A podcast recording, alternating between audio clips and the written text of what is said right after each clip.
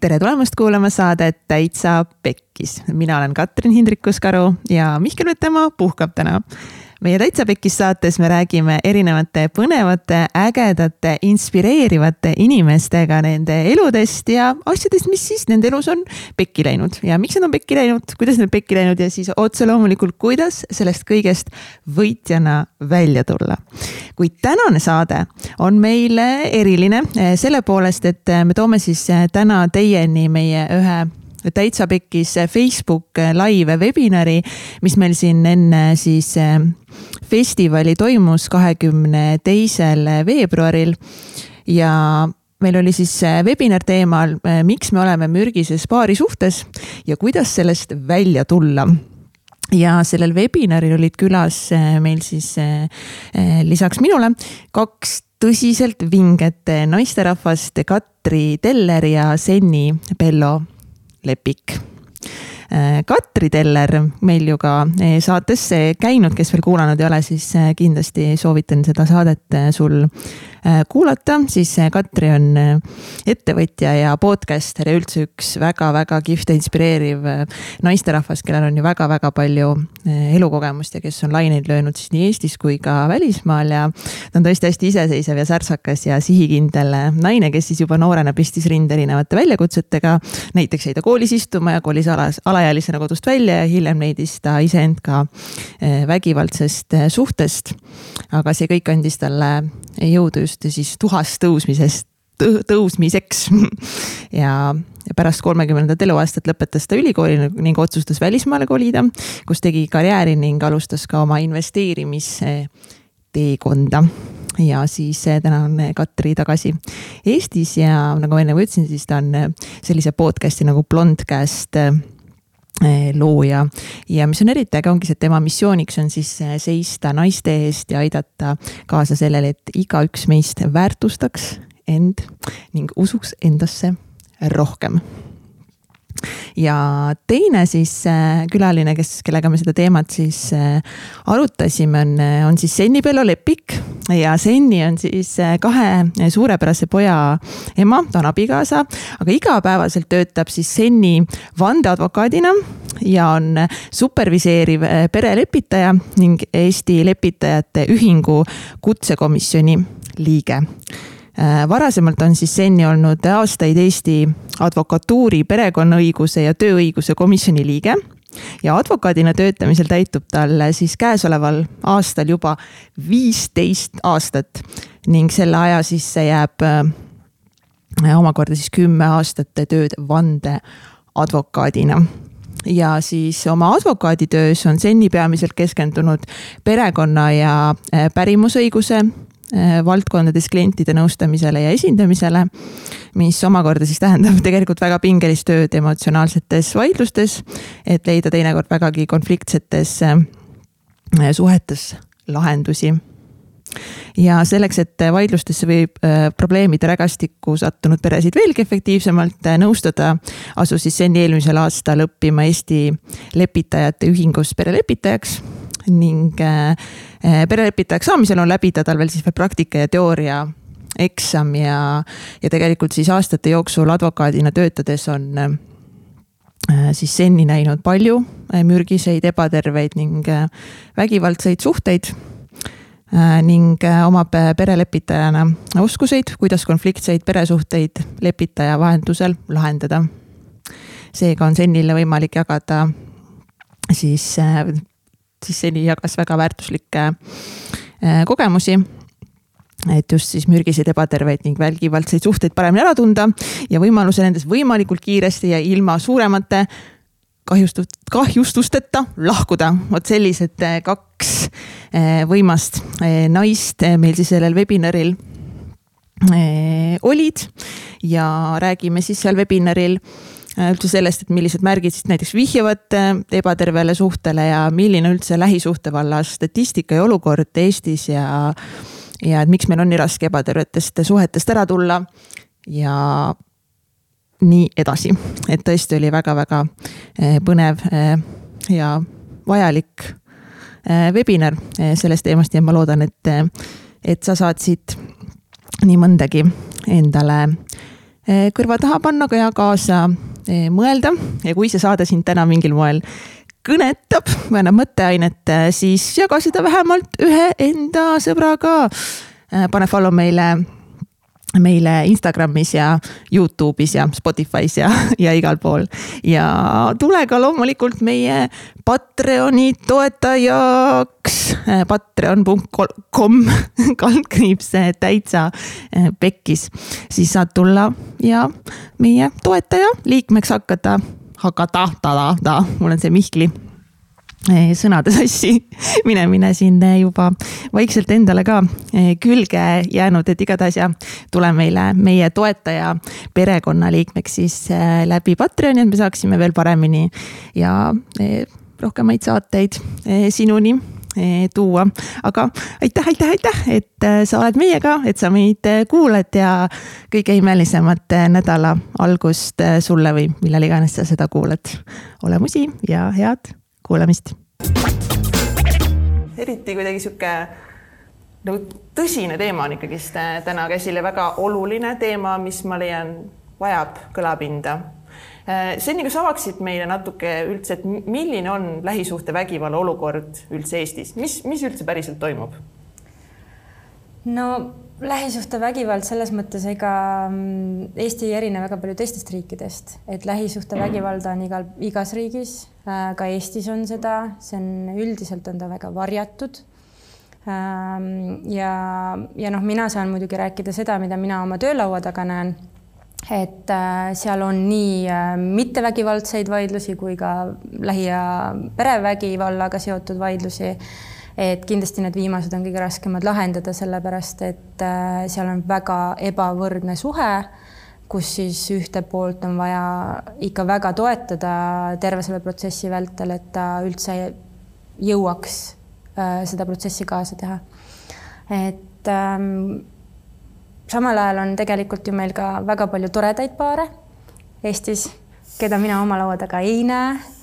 ma julgustan neid paare oma kas iseendaga tegelema või oma paarisuhtega tegelema, et need äh, tülid äh,, mis kõikides suhetes on, kõikides alati on, saaksid ilusti lahendatud ja et äh, see suhe ei läheks nii-öelda balansist välja ja see oli, me just äh, siin äh, arutasime täna seda teemat, et kas siis, et näiteks kui me suhtefestivalile, et kas siis, kui sa tuled sinna, kas siis sul on, siis sul on ju midagi juba nagu pekkis, et sul on siis nagu juba noh, et põhimõtteliselt hakkad lahku minema, et tegelikult ju miks käia koolitustel ja, ja sellistel festivalidel ongi see, et me ei jõuakski nii kaugele, et midagi nagu saakski nii-öelda pekki minna, et tegelikult Keegi. nagu ennetada seda on ju, kuidas no just... lahendada on ju sest keegi tegelikult ei ole meid ju õpetanud suhtes olema, et see kõik on natukene selline katse-eksitusmeetod ja kui me oleme nooremad, võib-olla me oleme tulisemad, siis sõltub, et kellega me hakkame koos olema. et millise, milline käitumine muutub meie jaoks normaalsuseks, see võib väga palju tulla ka lapsepõlvest, mis võib tunduda normaalne, tegelikult võib-olla ei ole normaalne mõni suhe, alles järgmises suhtes me saame aru, et see eelmine suhe tegelikult oli väga ebaterve. et eh, see on tegelikult kõik selline jah, selline katse-eksitus ja samamoodi nagu näiteks Epp Kärsin räägib sellest, et keegi meid ju ei õpeta kunagi seksima, samamoodi on suhetega, keegi meid ei õpeta ju kunagi olema suhtes. ja, ja sellepärast, et eh, need algatused, mis õpi, õpetavad siis või annavad natukene sellist nii-öelda õnge, et äh, aitavad olla nagu parema, paremini suhtes, et minu meelest nad on nagu väga-väga tänuväärsed. ja, aga Senni, millal jõuavad üldse siis inimesed nagu sinu lauale, et kui hulluks need olukorrad ikkagi siis, siis lähevad? Äh, no mina näen ikkagi juba selliseid suhteid, kus on see vägivaldne suhe kas lõppemas või lõppenud ja siis on vaja lahendada seal erinevad äh, küsimused, äh, lastega seonduvad olukorrad, kuidas siis laps, kelle juures ta elab, kuidas ta teise vanemaga suhtleb, kas elatist makstakse, kui palju elatist makstakse, kas ühisvara jagatakse, kuidas ühisvara jagatakse. Äh, kui ei ole abielus, siis kas on kaasomandid, kuidas see kaasomand lõpetatakse, et noh, seal on väga palju erinevaid valdkondi, mis on hõlmatud tegelikult, et äh, neid on võimalik äh, noh kõiki eraldi lahendada, aga üldiselt noh, üks tõmbab kaasa nagu teise vaidluse ja noh, seni kuni nad kõik ei saa lahendatud, ei ole seda rahu nagu oodata et ähm, on väga palju toredaid paare, kes selles mõttes tulevad, saavad nõu, saavad kas ise hakkama, notariga koostöös hakkama äh,, väiksema vaidlusega hakkama, ehk siis me leiame enne kohut kokkuleppe, natuke suurema vaidlusega, kus me leiame kohtumenetluse käigus kokkuleppe. et äh, aga noh, loomulikult on ka siis äh, mingi hulk selliseid vaidlusi, kus seda kokkulepet, veel vähem konsensust, noh, mis siis oleks win-win nagu kõikidele, üldse ei leita. et ähm, noh, ütleme nii, et äh, töös tuleb kokku puutuda erinevate äh, vaidlustega ja noh, ma noh, ma näen seda ampluaad ikkagi nagu sellest, kus on lihtsalt nagu peretülidega olnud suhe, kuni siis sinnamaani välja, kus on ikkagi väga jõhker vägivald äh, ühe partneri poolt teise poole et kahjuks siiamaani on need äh, kliendid enamasti olnud naised, kelle suhtes see väga vägivaldseks on äh, kujunenud ja, ja noh, tal on väga raske seal selles mõttes ka selles juriidilises protsessis tegelikult ta vajab väga palju psühholoogilist abi ja toetust, et äh, sellega toime tulla. et äh, noh, ohvrite puhul, mida mina näen tegelikult on see, et äh, ohver räägib äh, seda, et tema on midagi valesti teinud ehk siis tema on süüdi, ta otsib äh, õigustusi, põhjendusi, vabandusi. Äh, noh, selles mõttes, et, et äh, pigem on ta selline, harva on ta selline, kus ta noh, soovib kõike ära võtta ja selle teki voodi pealt täitsa enda poole tõmmata, et, et pigem vastupidi, et ta on hästi alalhoidlik, aga samal ajal ta ei taha, noh, näiteks lastega peredes on selline olukord, et kus ta ikkagi tahab, et lastel oleks see teine lapsevanem olemas jah, ta kardab, aga samal ajal ta ei ole selline lapsevanem, kes siis selle lapse täiesti eraldaks sellest vanemast. pigem see on selle vägivaldse nagu lapsevanema meetod, et siis seda ohvrit veel enam mõjutada, sest see laps on enamasti nagu jube hea vahend teha siis seda, mida ta tahab, ehk siis allutada see ohver veel enam endale, on ju kui kaua selline asi kesta võib siis nagu selline, ütleme, raske case, et näiteks, et üks pool näiteks on siis kättemaksu himuline ja tahab teha teisele inimesele võimalikult suurt siis kättemaksu ja lastega saagida ja et kuidas, kui kaua see võib siis venida üldse selline asi? no ta teeb seda seni, kuni ta saab.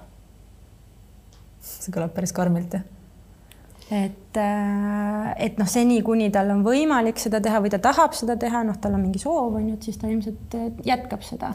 Et kui ohver äh, ei leia toetust, ei leia väljapääsu sealt, siis ta jääbki sinna süsteemi kinni noh, ta võib korduvalt nagu proovida välja tulla ja uuesti tagasi kukkuda, et äh, aga et äh, noh, see, see sõltub, et kas ta kunagi üldse sealt saab välja. noh, sellest, et milline see ohver ise on, kui palju ta ennast saab aidata, palju tal toetajaid ümber on, kui hull on see vägivaldne suhe. et hästi, noh, seal on hästi palju erinevaid asju, mis on nagu seotud noh, ongi lapsed, majanduslik olukord, ohvri enda haridustase, võimalused tööd leida, kui palju ta on ära isoleeritud, noh, selles mõttes ühiskonnast, et, et see on ju ka, kas ta siis isoleerub nii-öelda ise mm. või siis ta isoleeritakse ära, ehk siis, et ta jääbki täitsa sinna nagu vägivallatseja mõjuvalda. ja siis sealt välja pääseda on juba päris keeruline, kui sul ei ole mitte kedagi, kellega rääkida, arutada, sa isegi ei näe, et on olemas teistsugune maailm. Ehk siis, et noh, ta, ta muutubki enda arust selliseks, nagu talle öeldakse, et ta on.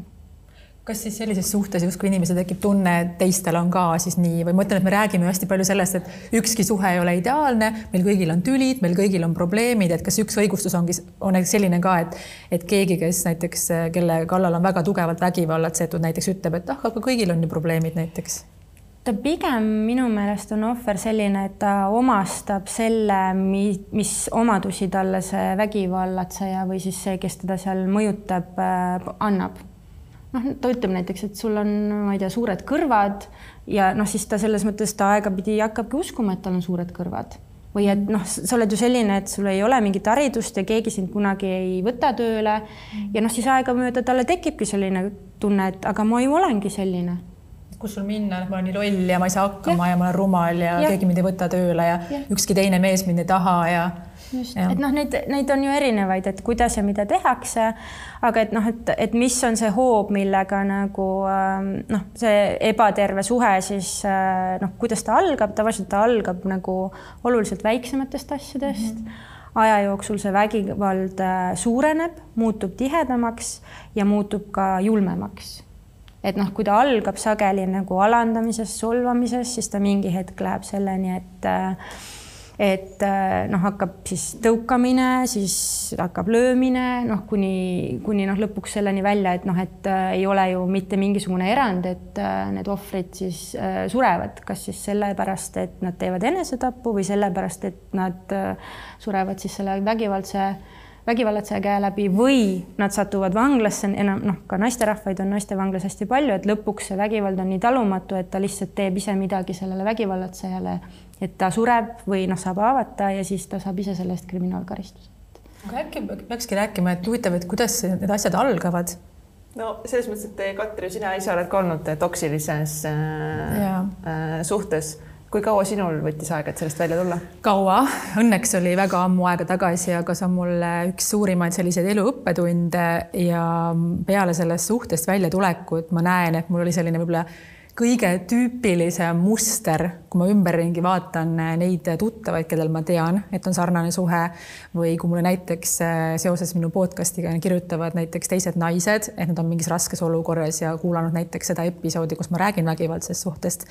et siis ma näen, et mul on selline olnud selline hästi tüüpiline selline lugu ja, ja see väga tihti, noh, Senni, sa võid muidugi rääkida ka, mida sina oma töös näed, et kas see, kas see on nagu nii tüüpiline, aga väga tihti need äh, vägivaldsed äh, suhted algavad väga ilusasti, sellepärast et need inimesed äh, on tavaliselt sellised väga karismaatilised, nad on väga intensiivsed, väga võib-olla isegi romantilised, toovad sulle lilli, ütlevad sulle väga kauneid asju ähm,. isegi kohati võib-olla see liigne intensiivsus peaks olema midagi, mis natukene peaks võib-olla panema selle tulukese põlema.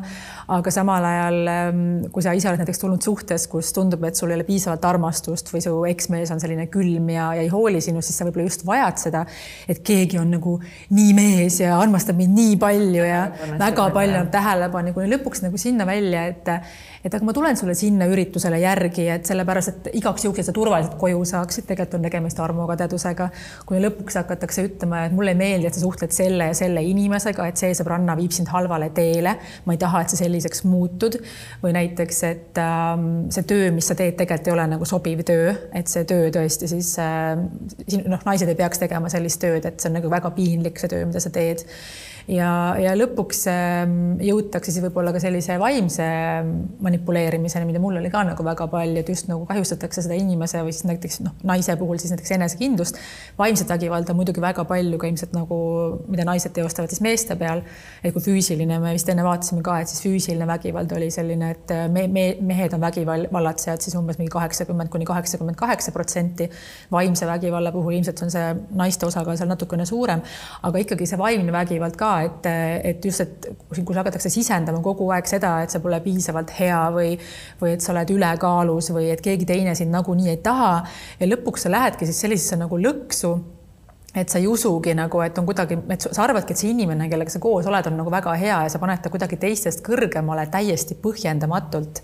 ja mis on nagu huvitav, on see, et eh, nendel inimestel tavaliselt, kes on näiteks vägivallatsejad, neil on mingisugune väga hea muu omadus kas nad on siis väga kenad või nad on voodis väga head või neil on mingisugune omadus, mis on väga hea, sellepärast et kui inimesel on eh, nagu nii halb asi, et on siis vägivaldne, ta peab seda millegagi kompenseerima, et tal on mingi väga hea omadus. Ja väga tihti nagu, mis nagu minul juhtus ja mida ma olen näinud ka nagu teistest eh, suhetest kõrvalt, on see, et kui see naine siis suudabki sellest vägivaldsest suhtest lahku minna, siis ta läheb ikkagi mingil hetkel tagasi, sellepärast et ta unustab need halvad asjad ära. üldjuhul see mees on ka väga hea manipulaator või ta oskab sulle õigeid sõnu öelda ja siis sul tuleb meelde vot see hea asi, et justkui, et aga ta ju nii hoidis mind või ta ju nii tegelikult ikkagi armastas mind või ta tegelikult ikkagi tahab muutuda. ja sa lähed tagasi ja see lõpuks nagu nõiaring, millest on mõneti nagu järjest raskem välja saada, sellepärast et sa kaevad ennast sinna järjest nagu sügavamale aga tõesti need esimesed märgid, ütleme, mina ütlen, et kui ma vaatan nagu inimesi, ma, mul löövad ikka mitmed asjad punase lippu põlema. esimene neist on kindlasti armukadedus sest et armukadedus on ähm, noh, esiteks suur ebakindluse märk, aga armukadeduse, armukadedad inimesed võivad hakata nagu siis äh, piirama tohutult teist inimest, et alguses on see, et mulle väga ei meeldi ja pärast kuni sinnamaani, et sa ei tohi. et äh, mis riietega sa välja lähed, et see seelik on liiga lühike või mis, mis mõttes sa lähed tööreisile ja mis mõttes mina ei saa su tööreisile kaasa tulla ja mis mõttes sa lähed firma suvepäevadele ööseks ja, ja noh, see on haige, see on ebaterve, see on nagu täiesti kindel, et ükski inimene noh, et ma saan aru, et armukadedust on mingil määral ja ja et siis tuleks tegeleda selle enda ebakindlusega, aga, aga kui see läheb nagu sinna tasandile, et sa hakkad teist inimest konkreetselt juba piirama, siis noh, mida mina olen näinud, see on üks kõige esimesi kõige suuremaid selliseid punaseid lippe. ma olen, ma olen täiega nõus, aga olles selles olukorras ikkagi nagu, nagu noh, sa ei teagi paremini, see on sinu jaoks nagu alguses tundubki nagu nii nagu, nagu hoolib. mees armastab, ta armastab, armastab mind nii palju ja. lihtsalt, ta hoolib.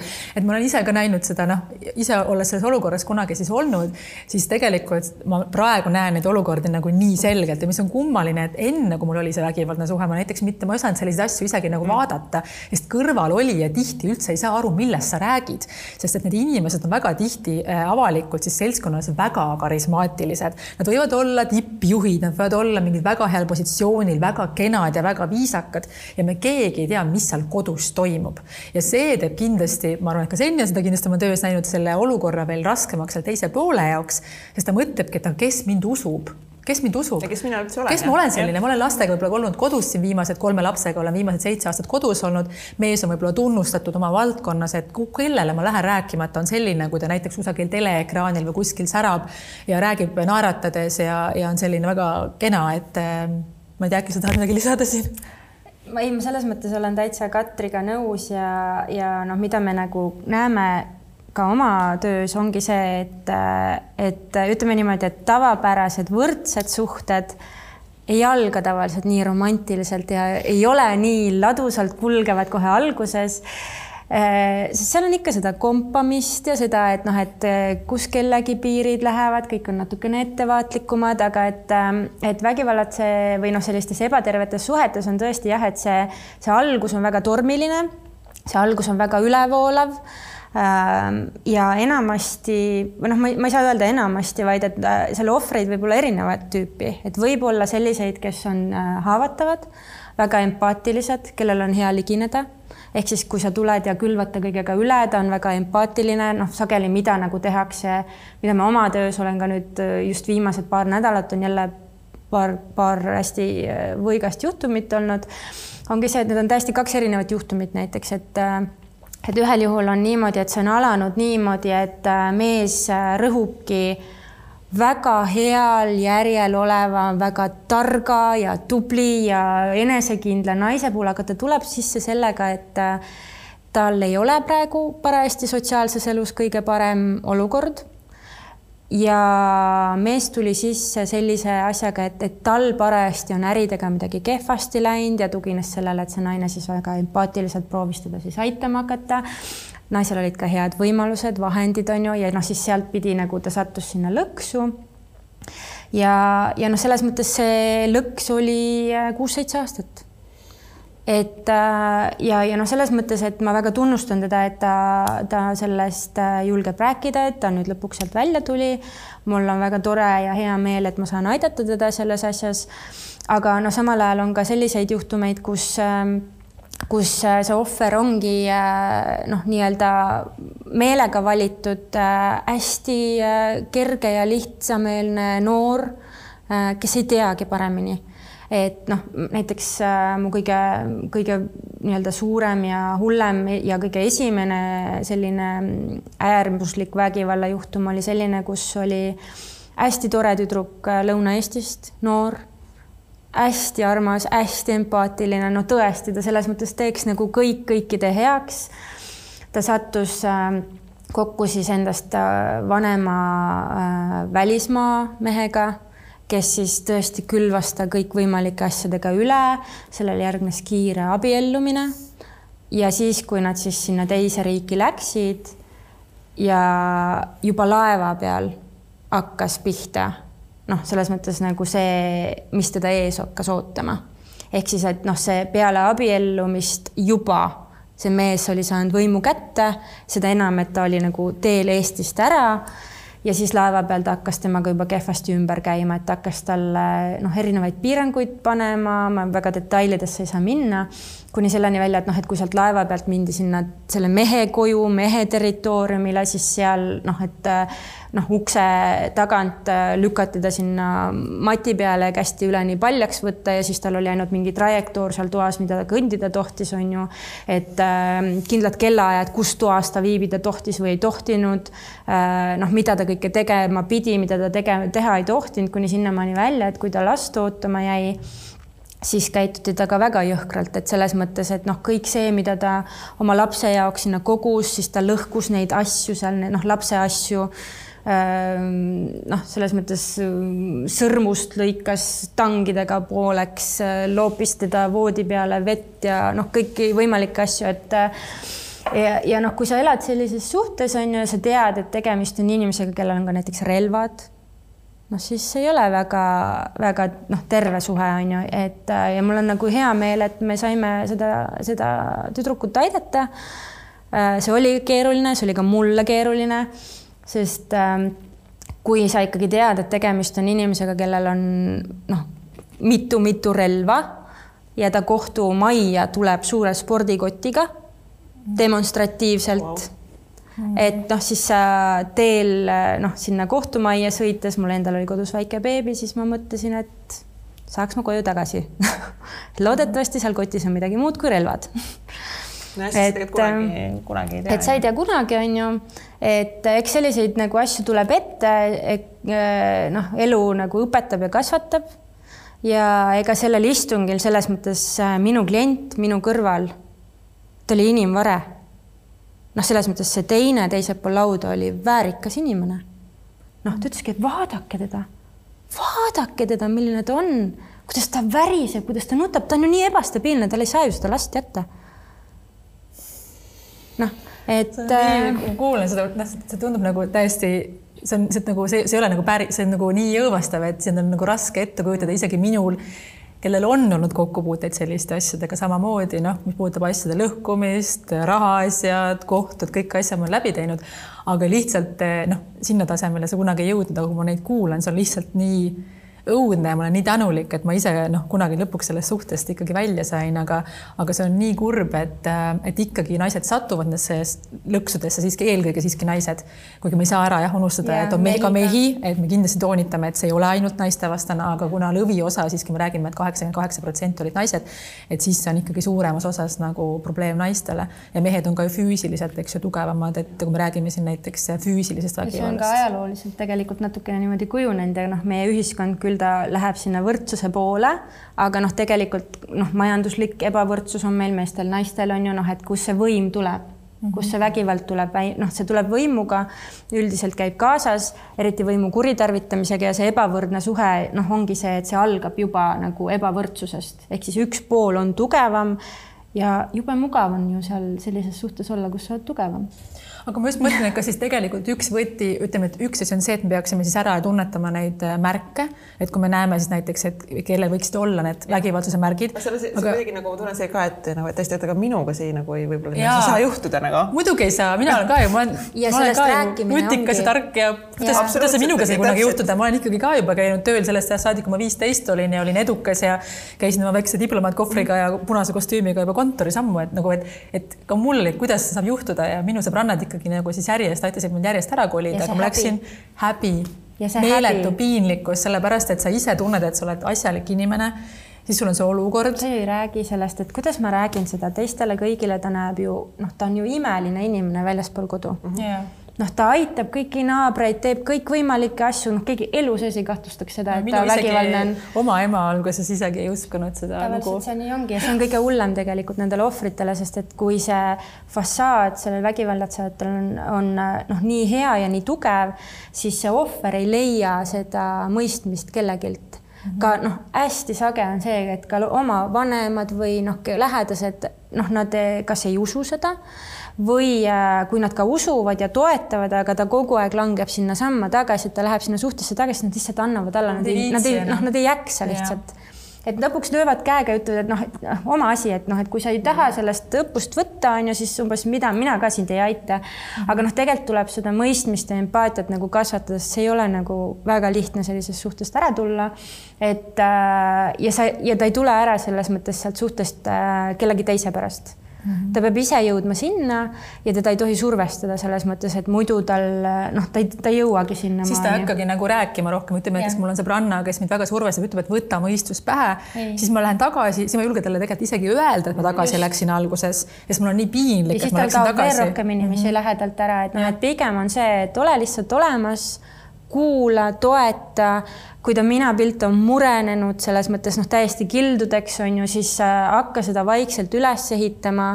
Äh, noh, ole lihtsalt seal toeks ja olemas on ju, näita talle neid positiivseid külgi, et äh, et ja just selle külje pealt ka, et noh, et kui ta noh, kui ta julgeb lõpuks rääkima hakata, ega nad sageli tegelikult ju äh, pisendavad seda mm -hmm. vägivalda või noh, seda olukorda, noh, nad püüavad sinna nii mõistlikke lahendusi leida, onju. kui no, ta ei joo, siis ta on täitsa okei okay mees. tal oli täna nagu halb päev, päev kodu või noh, töö juures, et tal või tal on nii kiire mingi projekt yeah. või tal on stress onju, et, et noh, et see vabanduste leidmine, et noh, see on see vabanduste leidmine ja see nagu pisendamine selles mõttes on äh, ainuke asi, mis seda ohvrit ja vägivallatsejat ühendab, sest nad mõlemad teevad seda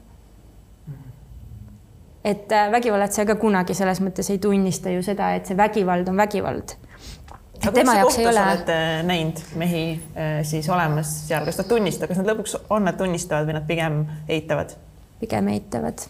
Ja noh, ütlevad, et provo naine provotseeris, eks ju, või et. no seal on erinevaid vabandusi on ju, et aga noh, pigem on see eitamine on ju, et noh, et või siis selline noh, ka pisendamine, et noh, et mis noh, millest ta räägib, on ju, noh, jälle ta hakkab pihta, on ju, et noh, et et noh, siin, siin ei ole seda või see õigustamine või et noh, et noh, mis on mulle kõige rohkem nagu meelde jäänud, on no, ühes ühe, oligi selline, et aga mis asi on löömine noh, selles mõttes, et naine ütleb, et ta lõi mind, siis ta ütleb, et aga mis asi on löömine mis mõttes? noh, selles mõttes, et ta küsibki nagu naiselt, et aga mis see löömine on selles mõttes, et aga ma ju ei löönud sind, noh, selles mõttes, et ta õigustab seda käitumist, on ju.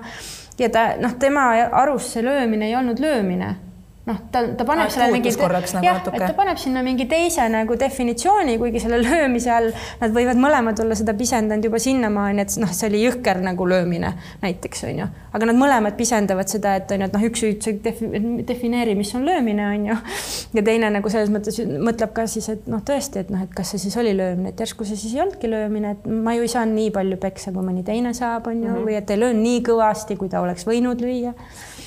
et äh, see, see on nii raske tegelikult, ma kujutan ette, et kes praegu meid jälgivad ja, ja kellel ei ole sellega kokkupuuteid, võib-olla nad nagu ei saa aru, kuidas on võimalik sinna lõksu üldse langeda, et kes, ma ütlen veelkord, meil kõigil on vahel mingeid nägelusi või me ei ole sama inimene, et meil kõigil on ju erimeelsusi, see on normaalne. aga seal on aga... erinevus selles mõttes ongi, et üks asi on peretüli ja teine asi on süstemaatiline perevägivald.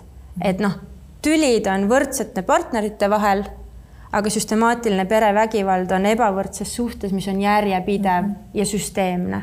et äh, noh, seal tuleb vahet teha et jah, ka nagu tülide käigus võivad olla vägivaldsed mõlemad partnerid, selles mm -hmm. mõttes naine mehele, mees naisele, aga seal tuleb aru saada, et kas need on nii-öelda kaks võrdset partnerit, kes omavahel kaklevad, noh, kas siis nad löövad või siis nad sõimlevad või nad üksteist manipuleerivad äh, nii-öelda mõistuse tasandil on ju, või siis see ikkagi on see ebavõrdne noh, suhe mm, -hmm mis, mis kvalifitseerub pere lähisuhtevägivalla alla ja noh, mis, kus on ohver, keda on vaja toetada, et ta siis natukene nagu saaks sealt tõusta mm -hmm. ja sealt suhtest hakata väljuma. kuigi noh, see suhtest väljumine selles mõttes on ju ka omaette omaette nagu olukord äh, ja, ja tegelikult äh, on kõige nii-öelda kriitilisem aeg just siis, kui see suhe on ära lõpetatud, on tekkinud toetajad ja ta noh, nii-öelda selles mõttes sealt välja läheb. See on ka selline aeg, kus kõige rohkem tegelikult neid ohvreid siis nii-öelda ka surma saab, et see on ka statistika mõttes, et, et kolm kuni viis aastat peale suhte lõppemist on koguni see periood, mil nagu ikkagi võib see vägivallatseja veel tulla ja siis selle ohvri eluküünla kustutada. Kadri, aga natuke võib-olla ava meie vaatajatele, kes ei ole võib-olla sinu looga natuke kursis, et äh, mis, mis see sinu lugu, mis see sinu kogemus siis oli? no minu kogemus oli päris ammu, et äh, ma olin siis äh, kahekümne nelja aastane ja see suhe käis kokku vist mingi, kas kokku vahelduva sellise eduga vist mingi umbes neli aastat ja väga ääretult romantiline ja ilus ja kirglik algus ja eluarmastus ja kõik noh, ma ei olnud vist kunagi nii õnnelik elus olnud, kuni lõpuks hakkasidki tekkima täpselt need märgid, et armukadedus, selle inimesega sa ei tohi suhelda, need asjad ei kõlba sulle selga, see töö ei ole õige töö, mis mõttes sa oled jälle kuskile tööreisile, et äh, sinnamaani, et ma olen munadega naine ja ma ei tea, mis on naise kohused ja, ja kõik need muud asjad. aga, aga mis on jah uskumatu, on see, et ega ma sel ajal, ma ei olnud oluliselt erinev tänasest, et ma olin küll noorem, aga mul oli hea töökoht ja mul olid head sõbrad, ma olin rõõmsameelne ja, ja täiesti niisugune normaalne, tavaline inimene, ma ei ole olnud kuidagi nagu siis nii-öelda alalheitlik või selline inimene, kellega ma arvasin, et keegi saaks kuidagi manipuleerida, sellepärast et noh, pidasin ennast ikkagi targaks inimeseks ja, ja see on uskumatu jah, mida võivad siis sellised nagu tunded teha ja ka võib-olla selline emotsionaalne äh, manipulatsioon, et, et mis lõpuks, kui sind pannakse nagu uskuma, et, et sa justkui ei ole midagi väärt või sa ei saa millegagi hakkama. minu puhul oli seda muidugi raske teha, sellepärast et see minu enesehinnang äh, või see enesekindlus selles osas, et ma saan elus hakkama, oli väga tugev, sest ma olin endale juba varakult seal ära tõestanud, et kuna ma olen ka nagu lapsepõlvest pärit sellise üsna tagasihoidlikest tingimustest ja väga varakult juba tegutsema hakanud, siis ma olin endale juba selleks ajaks ära tõestanud, et mis iganes juhtub, ma saan hakkama. et seda mult ei õnnestunud, noh, seda ei õnnestu kellelgi mult ära võtta. aga, aga just see, et naisena just see tunne, et noh, välimuse osas näiteks muutusin ebakindlaks ja muud sellised asjad, et, et kus ma tundsin, et ma lõpuks mõistusega sain aru, et äh, seda tehakse lihtsalt sellepärast, et mul tekikski selline tunne, et ma ei ole midagi väärt. et ma piisavalt olin nutt, et ma tajusin selle mingil hetkel ära, mis ei teinud seda lihtsamaks, seda äratulekut absoluutselt, et ma läksin ikka ära sealt, ma ei, ma ei tea, võib-olla kümme korda vist rentisin endale korteri ja, ja tulin sealt ära ja läksin samamoodi siis kogu aeg tagasi. ja just see ka, et, et noh, kontoris mul käidi märatsemas näiteks ja, ja et ma ütlesin ülemusele, et ma ei tahaks tööle järgmised kolm päeva tulla, et ma kardan, et näiteks, et mu mees tuleb siia kontorisse ja ma kardan teda ja et see läks ikka päris niimoodi niimoodi välja, et mul ikkagi töö juures ka ikkagi teati seda asja. ja seda enam oli piinlik näiteks siis äh, pärast tagasi minna ja, ja kui inimesed jälle nägid, et ma olen jälle sellesama mehega koos, eks ju, kellest nad tegelikult nagu teavad, et mis need olukorrad on olnud, et siis äh, see olu, noh, see oli päris ikkagi ebamugav ka. ja mul lõpuks äh, ma arvan, et äh, mind suures osas päästis äh, kaks asja. esiteks, äh, kuigi see inimene tahtis väga minuga lapsi saada, et ma, ta isegi keeldus ootamast, mingi, ma tahtsin vist oodata vist kaks või kolm aastat tollal, et tema jaoks oli see täiesti välistatud, ta ütles, et ta tahab kohe, et seda ma siis ei teinud, mis on, ma arvan, et mind mingis mõttes päästis, et lastega sellisest olukorrast välja rabelemine on mitte võimatu, aga väga palju raskem, sest siis mul ei oleks olnud mingisugust võib-olla sissetulekut äh, väikse lapsega ka, eks ju, et noh, et, et see oleks olnud nagu väga palju raskem. ja teiseks ka see, et ma kunagi ei loobunud oma iseseisvusest. ehk siis ükskõik, äh, mis olukord meil oli, ma teadsin, et ma käin edasi tööl, mul on alati vähemalt see mingi oma raha, millega ma saan rentida endale korteri, millega ma saan ära minna. ja see on üks asi, mida ma näen ka, et äh, kui naised näiteks saavad tuttavaks mehega, nad tunnevad, noh, kellel näiteks on palju raha ja nad tunnevad, et ega nad ei pea tööl käima, sellepärast et meil peres nagu raha on. et siis minu meelest see on ähm, hästi ähm, kurb, et tihti need asjad mingil hetkel võivad sinna minna, kus seda rahalist olukorda kasutatakse siis just nagu, äh, nagu võimuna ära ja sellel tegelikult on ka nimi, see on rahaline või materiaalne vägivald, mille all kannatavad siis just väga paljud naised, kes tunnevadki, et neil ei olegi mitte kuhugi minna ja see raha on üks põhjus, miks nad ei, nad, ei saagi ära minna, neil ei ole mitte midagi.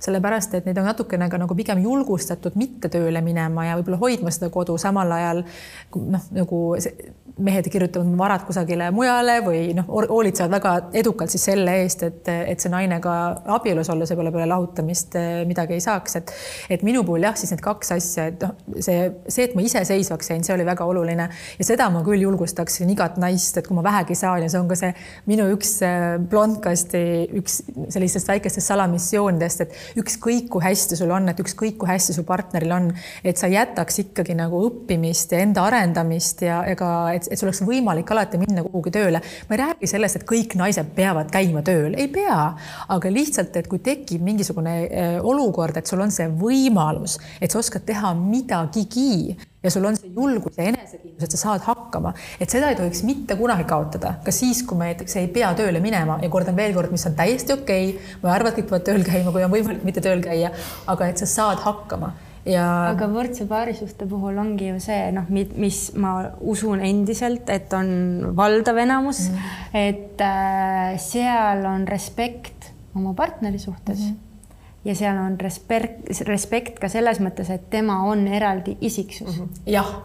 ehk siis, aga, aga noh, mürgistes ja ebatervetes suhetes see respekt kaob ära ja see teine inimene ei ole isiksus, vaid ta on omand ta on nagu osa teise inimese elu ambitsioonist, et mul on maja, mul on auto, mul on karjäär ja mul on see naine ja mul, et ta on nagu, ta on nagu mingi ühe inimese, teise omand. inimese nagu omand, nagu need muud asjad jah ja., täpselt. et mitte ta ei ole su elupartner. indiviid, mhm. noh, respekt tema vastu puudub ja selles mõttes ongi see, et noh, kui, kui keegi tunnetab seda, et noh, et, et ta hakkab enda mina kaotama, siis see võiks olla esimene märk, et kust see tuleb, kust see tunne tuleb. keeruline nagu märgata, ma ei ole ise seda väga palju jaganud, aga ma olen olnud ka emotsionaalses, emotsionaalselt vägivaldses suhtes ja nagu olles selles, ma, ma absoluutselt ei, nagu ei saanud aru et, et oli nagu täiesti nagu sõnadega madaldamine ja kogu aeg see, et mingi oh,, kallis, kus sa oled nagu, kuidas ikka koju saad nagu mingi ja et ikka ikka ilusti ja, ja siis ja et siis ma just hakkasin ka televisiooni, televisiooni tööd nagu tööd tegema ja kaamerate ees olema ja siis ikka, et ei, et see ei kõlba ikka kuskile ja et vaata ikka, milline sa seal välja näed ja sa ikka ei peaks seda asja seal tegema ja peaksid ikka nii tegema ja nii tegema. aga jah, tolles hetkel nagu absoluutselt nagu polnud nagu õrna aimugi, et see on nagu kuidagi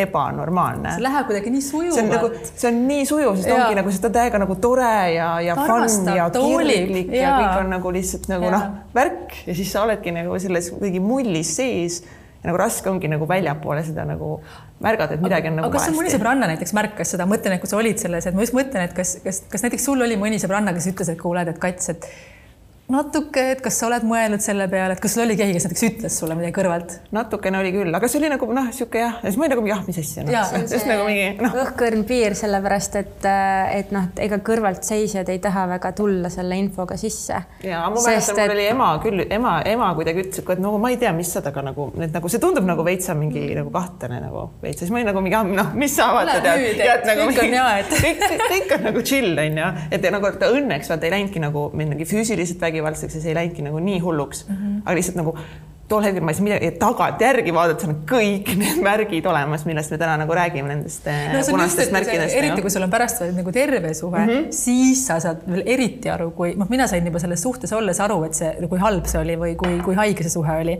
mind hakkas tollal väga huvitama psühholoogia ja mind kõik need asjad hakkasid väga huvitama ja kõik need, kuidas inimesed üldse toimivad. aga ma alles siis, kui ma pärast seda siis eh, tutvusin oma siis abikaasaga, alles siis ma sain aru, olles ise terves suhtes mm, -hmm. ma sain aru, kui ebaterve see suhe päriselt päriselt oli, et, et see on nagu täiesti mõt-, noh ja siis eriti tekib selline moment, et nagu täiesti kosmos, et kuidas ma sain olla sellises suhtes. aga see muutub normaalsuseks. ehk siis ongi see, see norm ja noh, teine asi on see, et, et äh, kui me tuleme nüüd tagasi selle vägivallatseja juurde, siis tema tuleb ju ka kuskilt. Mm -hmm.. noh, ja tema puhul ongi see, et noh, et, et see norm sageli tuleb ju kuskilt tema minevikust kaasa ehk siis, et äh, kas ta ei tea paremini või ta ei oska paremini, et noh, et äh, ja, ja noh, see vastutuse võtmine ka, et vägivallatseja puhul üldiselt tema ju ei võta vastutust millegi eest et ikka on keegi teine süüdi. Ja ohver on tavaliselt ju ka see, kes mõtleb, et mina olen süüdi, mina, mina olen teinud midagi valesti, kas ma saan midagi paremini teha, kas ma seekord saan midagi nagu nii, eelmine kord see ei toiminud, nüüd ma proovin seda, on ju, ja siis nii, aga, aga noh, seal ei ole universaalset lahendust selles mõttes, et äh, vägivallatsejate ja ebatervete suhete puhul on ju see, et ükskõik mismoodi sina käitud, sellest ei sõltu tema käitumine kas sa oskad Senni rääkida, mis on see kaassõltuvus, see ongi vist kaassõltuvus? selles mõttes see, ma ei oska sulle täpselt nüüd seda vahet sinna tuua, et see on väga nagu spetsiifiline küsimus äh, ilmselt erialaspetsialistidele selle kaassõltuvuse kohta. aga vägivallatsejate puhul on jah see, et äh, et nad äh, noh, nad, see piir on selline, et see on hägune, see on kogu aeg hägune ja ohver on kogu aeg kikivarvukil ehk siis, et äh, tal ei ole ettenähtavust. tavapärases paari suhtes on see, et sa tead, mis su partnerit vihastab mm, -hmm. sa tead, mis teda rõõmustab, sa tead, mis teda kurvastab. järgmine kord, kui see juhtub, sa tead ikka, mis teda rõõmustab, mis teda kurvastab, mis teda vihastab. ehk siis see ettenähtavus ja sa oskad nagu selles mõttes arvestada oma partneriga, aga vägivallatseja puhul ei ole seda. see, mis teda täna rõõmustab, võib järgmisel hetkel teda vihastada kurvastada, ehk siis, et see noh, seal ei olegi seda ettenähtavust ja seal ei ole seda pidepunkti ja siis ongi see, et see ohver kogu aeg mõtleb, et oot-oot, nii, mis ma nüüd tegema pean, mis ma nüüd tegema pean, mis ma nüüd tegema pean. ja noh, lisaks sellele, et ta on ju suurepärane inimene, ta annab talle kõik need asjad andeks ja arvab, kuna ta on nii empaatiline tavaliselt ohver, et ta suudab teda aidata ja parandada vot see on vist see kõige hullem asi, kuhu tegelikult väga hea, et me jõudsime sinna, et tegelikult nii paljud inimesed arvavad, et, et ma kuidagi, et, et ta muidu vaata ju nii hea inimene, et tal oligi raske lapsepõlv, et ta isa oli alkohoolik või, või tal oligi raske, et sellepärast ongi selline, aga mina saan teda muuta, sest tegelikult on südames ju nii hea inimene. et tegelikult me ei, me ei saa võtta tegelikult sellist kohustust, et me peame aitama inimest, kes ise ei taha ennast aidata. sellepärast, et ka nendel inimestel endal on ju võimalik otsida abi ja minna psühholoogi juurde ja ei noh, sa saadki, inimene saab ainult iseennast aidata, mitte keegi kedagi teist parandada ega muuta ei saa. see muutus peab tulema seest. aga naised ei saa aru sellest. me ikkagi üritame. ka mehed ei saa aru sellest, no. ka mehed ei saa aru sellest selles mõttes, et ka mehe, on väga palju mehi, kes püüavad oma naisi muuta yeah.. et, et noh, see on selles mõttes nagu täiesti, see on sõl, soost sõltumatu, see on isiksuse põhine, noh, mulle meeldib öelda, et ma oma töös üldiselt proovin olla ka selline, et ma vaatan äh, tegusid, mitte sõnasid mm -hmm. ehk siis sa võid rääkida väga ilusaid asju. sa võid rääkida seda, kuidas ükskõik, kas see tuleb ema suust või isa suust, et äh, kuidas sa väga toetad seda suhet lastega ja sa tahad, et ta lastega suhtleks, aga samal ajal sa teed kõik oma tegudes, et mitte seda nagu lapsi tema juurde lasta või et leida põhjendusi, miks nad ei saa minna et noh, et, et noh, see tegu on suurema väärtusega kui sõna paber kannatab kõike, suust võib tal välja tulla ka ja. igasugust juttu, aga kui sa hakkad järjepidevalt vaatama inimese käitumist, tema tegusid, see on raske töö, see on minu töös klientidele, rahakotile väga koormav.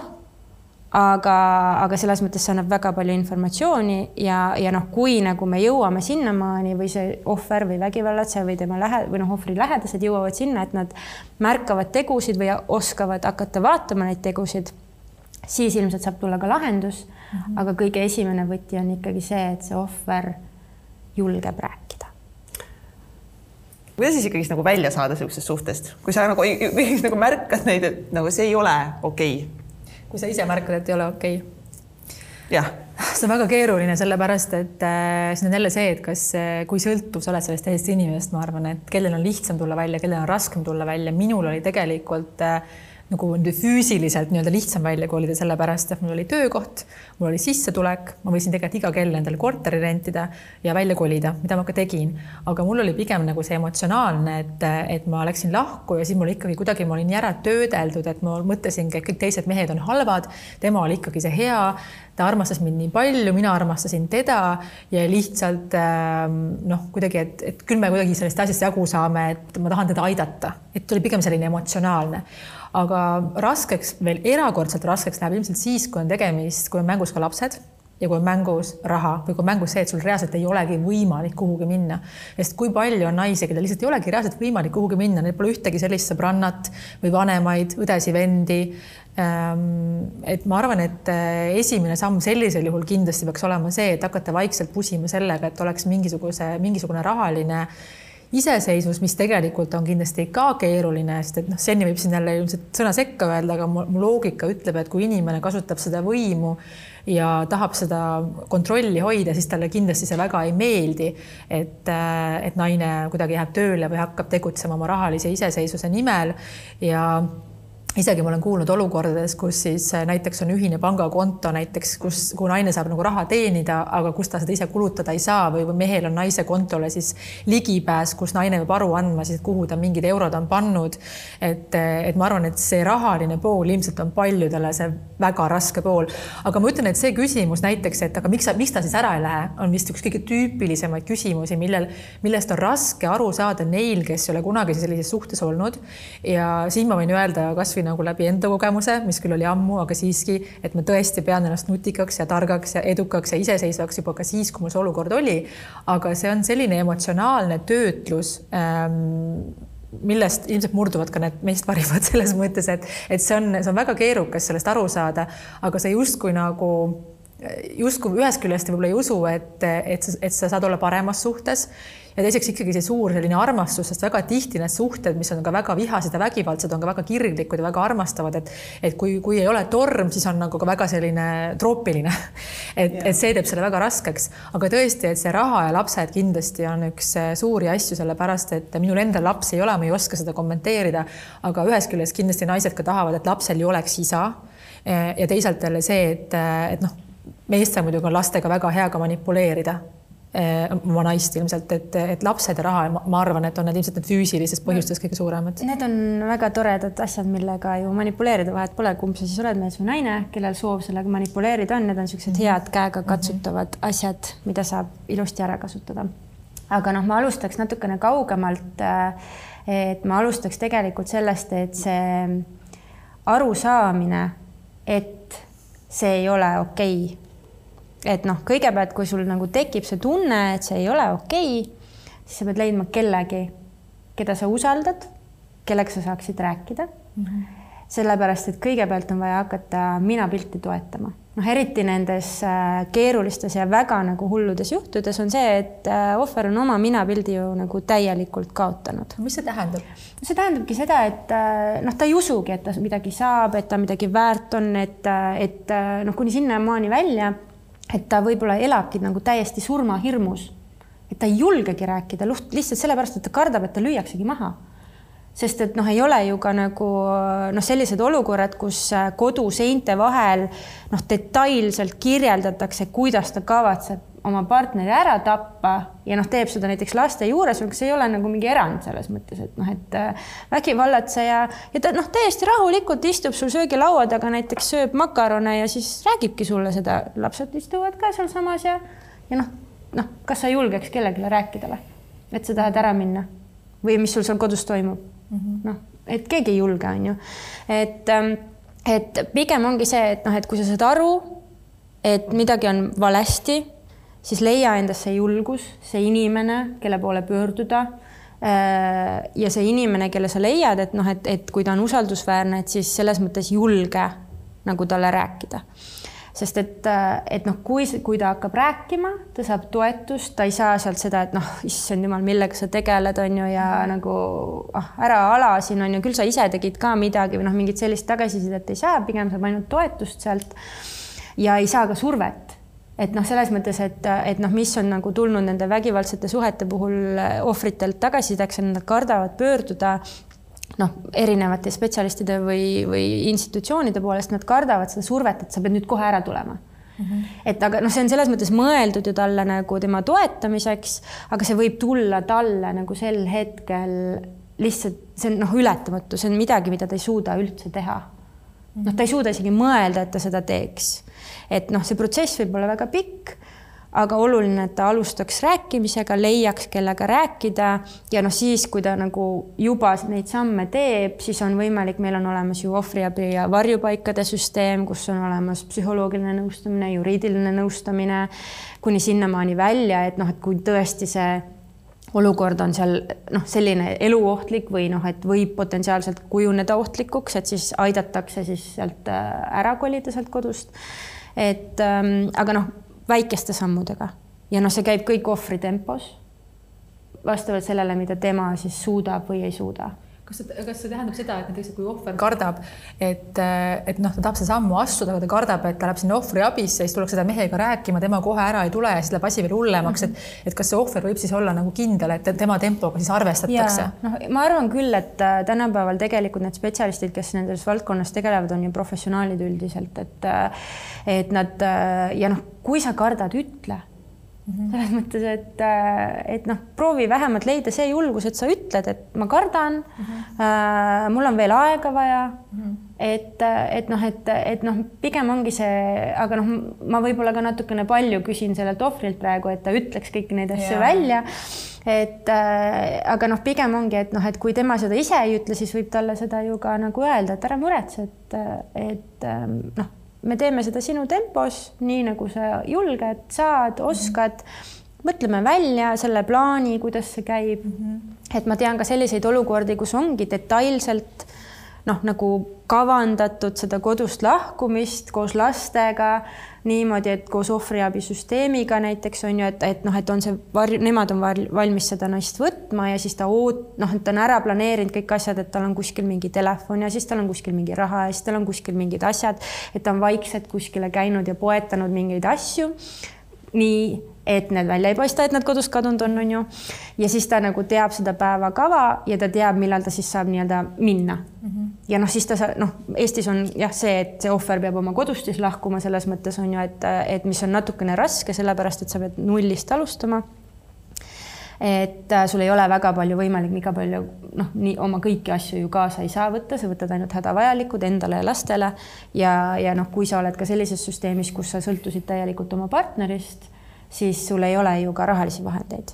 et noh, sa peadki nagu kõike nagu nullist alustama kas, kas Eesti, mina nagu siin, minul nagu sinnamaani päris ei läinud, aga ma mõtlen, et kas see Eesti, ütleme, kui see raha näiteks on üks suur probleem, et kas kuhumaani see ohvriabi seda toetab, et sa saad kuskil nagu öösel justkui olla vist aga...? jah, et seal on need varjupaigad ja kuhu saab minna, ma nüüd jään selles mõttes mm -hmm. nagu detailideni vastuse võlgu, et, et kas seal ka mingi rahaline toetus on, noh, ilmselt, ilmselt on võimalik ka neid toetusi kuidagi saada, ka kohalikud omavalitsused ju toetavad majandusliku toimetuleku ja mm -hmm. puuduse puhul, et. et süüa saab ja peavarju saab, aga, et... aga sealt peab hakkama siis edasi nagu vaatama, et mis, mis nagu saab, eks ju, et ja samas tegelikult mõtlen ka rahaliselt, et äh, tegelikult me ju midagi saame ikkagi teha et isegi need, kes on nagu nii ära tambitud, et me arvame, et me millegagi hakkama ei saa, kindlasti me saame millegagi hakkama. ei noh, loogiline, et saab, aga noh, ma ütlengi, et äh, sina mõtled sedasi mm, -hmm. mina mõtlen sedasi, võib-olla Kats mõtleb sedasi, aga see oleneb sellest ohvrist mm. -hmm. et ja sellest, et ongi, et noh, et millisele tasemele selles mõttes tema siis seal jõudnud on, et kui mm -hmm. ta on mhm. nagu kõik on talt ära võetud mm, -hmm. siis päris keeruline on tal endal no, uskuda mm. -hmm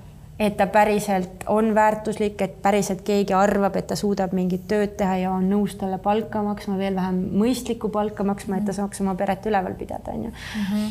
et ähm, et see sõlt-, see on noh, sõltuv, et äh, ja noh, teine asi on see, et noh, meil on ju ka väga noh, nii-öelda glamuursetest ja toredatest äh, kaane klantsperedest neid vägivalla ohvreid, et see on äh, veel raskem mm. -hmm. et, äh, et sageli seal on ju jube hea moodus on äh, vägivallatsejal öelda, et aga ma jätan need lapsed enda juurde, sest et sa ju ei suuda neile midagi pakkuda mm. -hmm lapsed on vist väga hea no, vahend mõlemale ja. poolele, eks ju, nii naistele kui meestele.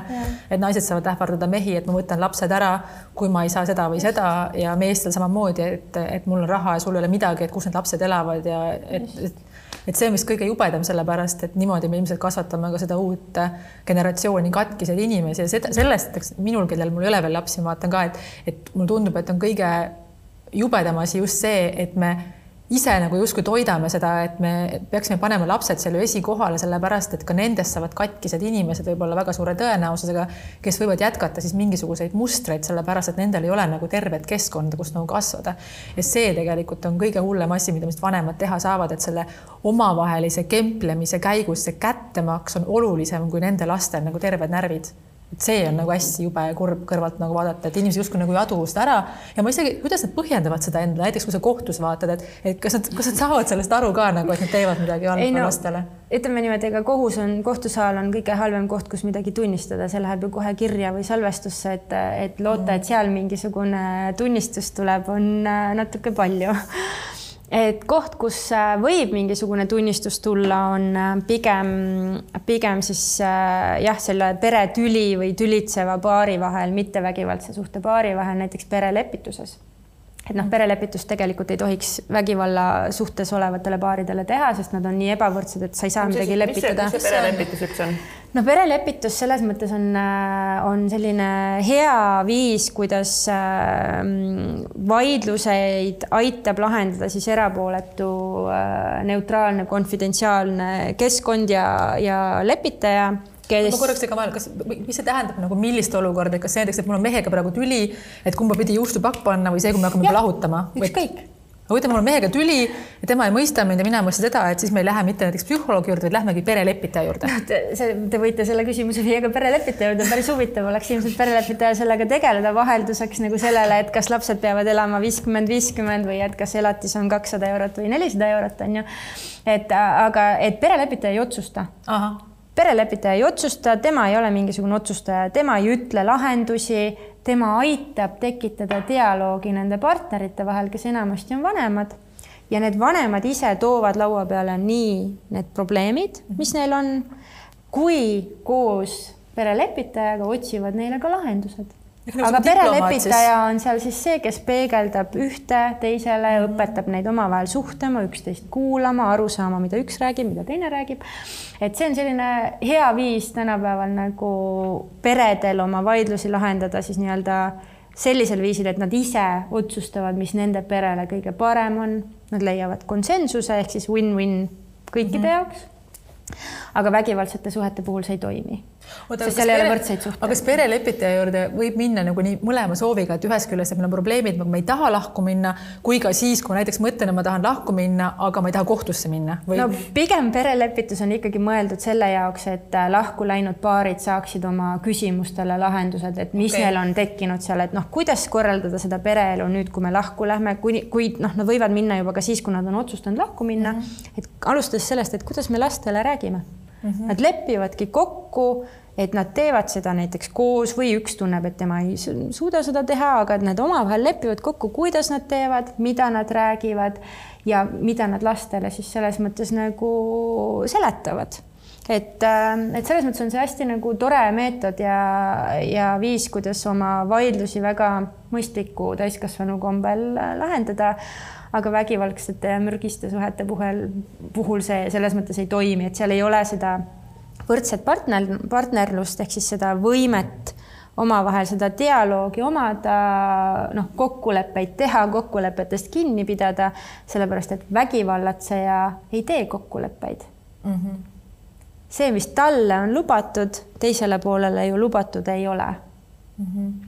et, et temal on oma reeglid, teised peavad neid täitma mm. -hmm. ja tema kehtestab need reeglid vastavalt oma äranägemisele mm et kui ma justkui tunnen, et ma olen äh, sellises nagu ohvri rollis, et siis, siis sinna ei ole mõtet nagu ilmselt või ma käin seal ära ja see perelepitaja märkab äkki midagi no, saab suuna. see võib noh, et iseenesest on võimalik, et kui sellest vägivaldsest suhtest on aastaid möödas ja see ohver on täna nagu jõudnud sinna samale tasemele, kus ta selle vägivallatsejaga suudab mm -hmm. siis läbirääkimisi seal pidada, dialoogi omada ja võrdselt positsioonilt lahendusi otsida aga noh, üldiselt pigem on äh, jah, noh, akuutsed äh, lähisuhtevägivalla juhtumid ei, ei tohiks siis perelepitusse jõuda. aga sina oled siis perelepitaja? ma ei ole veel perelepitaja räägi natuke sellest ma olen superviseeritav perelepitaja, et äh, ma jah, õpin seda praegu mul teooriaeksami saime tehtud ilusti eelmine laupäev nii et me oleme tublid, aga praktika on veel vaja, vaja teha ja praktikaeksam ka ja siis saab äh, hakata teistmoodi aitama, et praegu ma aitan ühe poole pealt, siis ma loodan, et ma saan need mõlemad äh, inimesed selles mõttes oma laua taha, et ma saaks aidata neil see dialoog taastada ja oma perele neile sobivad lahendused leida, sest ega kohtusüsteem lahendab nii, nagu seaduses kirjas on mm. -hmm. Et... kuidas, äh, kuidas sind ennast naisena vaimselt su töö mõjutab? Oh,? see on hea küsimus ma arvan, et ma olen nagu ülimalt ettevaatlik ja ilmselt ka nagu suhteliselt paranoiline mingisuguste märkide suhtes ja olukordade suhtes ja proovin kindlasti oma peret äh, ja lähedasi hoida ära mingitest äh, olukordadest. et äh, ma proovin olla sellest teadlik, et ma ei kannaks oma tööd oma koju, aga noh, inimene, me oleme kõik inimesed, on ju, et äh, lihtsalt on vaja siis märgata, kui sa seda teed. ja noh, üldiselt, mis ma proovin teha, on see, et ma proovin ikkagi oma partneri ja oma lastega arutada olukordi. et äh, noh, ongi, et kui sa, kui ma märkan midagi, siis ma proovin neile ka seletada seda. noh, nad sageli, pojad mul küsivad seda, et emme, miks sa seda kuulad. Noh, näiteks äh, ma kuulan mingit äh, noh, akuutset asja siis on ju, ja siis äh, viimati ma kuulasin näiteks vaim, laste vaimse tervise keskuse ja siis psühholoogide koolitusi, et aru saada, kuidas noh, lapsi aidata, et sest meil on nii hull see olukord praegu laste vaimse tervisega. ja siis ma pidin, võtsin selle aja ja nagu vanemale pojale seletasin, noorem on natukene väike aga siis ma noh, seletasingi, et mida ta võiks märgata näiteks oma klassis, et äh, kui keegi kuskil on näiteks natuke kiusatud või, äh, või nagu kurb või äh, ei sulandu sinna seltskonda, et noh, et, et mis tema võiks teha, noh, et ta võiks märgata, kui ta näeb, et see ikkagi on nagu hull, siis ta võiks sekkuda.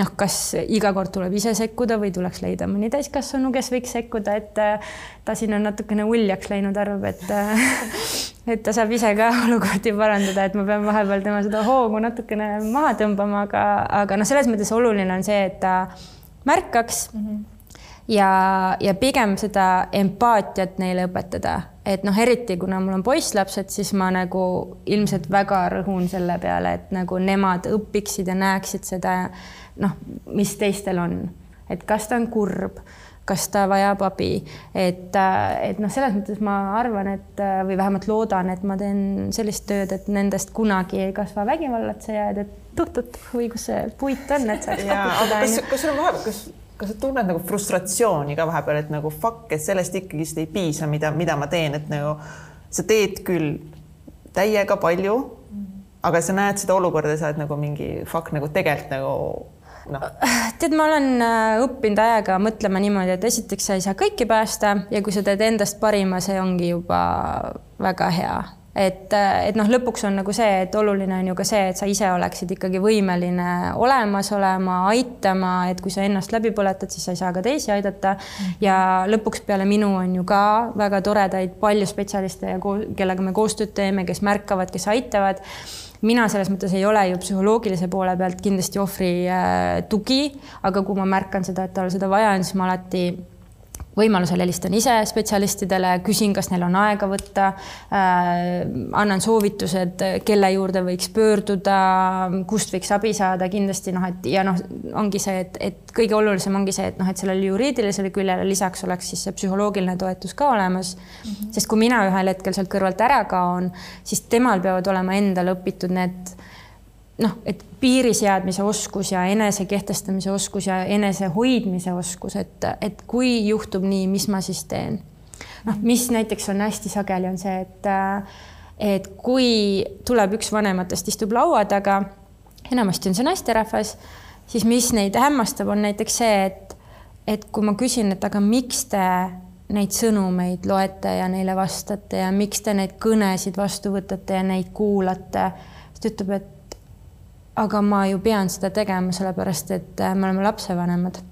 Ja ma pean noh, sest et ta on ka teine lapsevanem, siis kui ma küsin, et aga et mis seal vestluse sisu on, kas te mm. räägite lapsest, siis tekib niisugune nagu äratundmine, et aga ei, me ju ei räägi lapsest, ma lihtsalt saan sõimata, mu peale elatakse välja ja siis võidki öelda, et aga noh, see ei ole kindlasti asi, mille jaoks on vaja mm -hmm. neid kõnesid või vestlusi nagu ja sul ei ole kindlasti ka kohustust neid pidada, on ju. ja, ja noh, igasugune see mitte lugupidav suhtlemine on midagi, kuhu igaüks võib piiri tõmmata sa ei pea suhtlema teisega, kui ta ei suuda sinuga mõistlikult yeah. suhelda, et yeah. et kui sa suudad rahumeelselt arutada, vestelda, see on konstruktiivne, see on asjakohane, palun kui see nagu väljub nendest piiridest, sa võid rahulikult öelda, ma blokeerin su ära. aga kus see nagu, kus ongi see, et inimestel on ikkagi nii erinev arusaam sellest, et mis on normaalne ja mis ja. ei ole.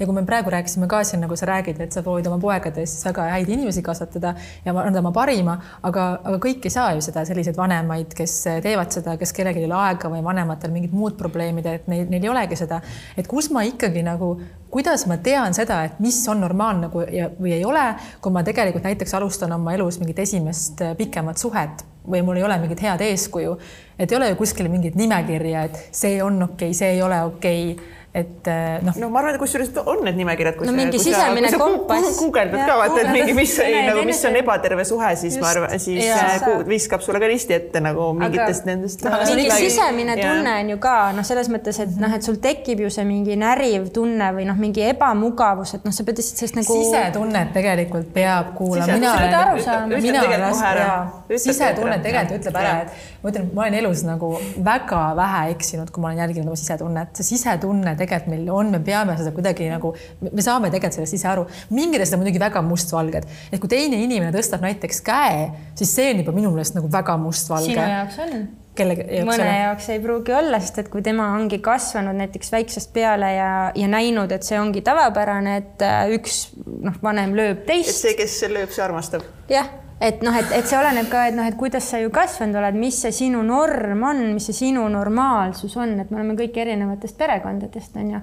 aga noh, lõppkokkuvõttes on see, et meil ju ikkagi ühiskonnas on mingisugused äh, üldiselt kokku lepitud käitumisnormid, eetika, reeglid, noh, mida sa tunnetad, et noh, et siitmaalt see piir läheb nüüd natukene ikkagi üle juba, on ju. ja lõppkokkuvõttes ongi, et igaühel on ju võimalik seni, kuni ta teisele nagu midagi halba ei tee, ka enda piirid seada, et minu jaoks vot see ületab piiri ja kuni sinnamaani see on okei. Okay. mm -hmm.. noh, loomulikult, et see eeldab seda, et tal see nii-öelda kompass on ikkagi õige koha peal, et ta ei ole sinna nagu maha tambitud ja tal ei ole see nii-öelda väärastunud maailmapilt on ju või mitte väärastunud, vaid moonutatud siis pigem on ju, et sellepärast, et noh, see see moondub nii jubedalt selle manipulatsiooni, manipulatsiooni tulemusena on ju et.... aga selle me võime ikkagi kokku leppida ju, et käe tõstmine ei ole mitte kunagi okei okay. okay.. et, et ikkagi, et kui, et kui ükskõik millised kes te vaatate, kas ei olete, olete. niimoodi võib kätt tõsta, ma soovin sõna võtta.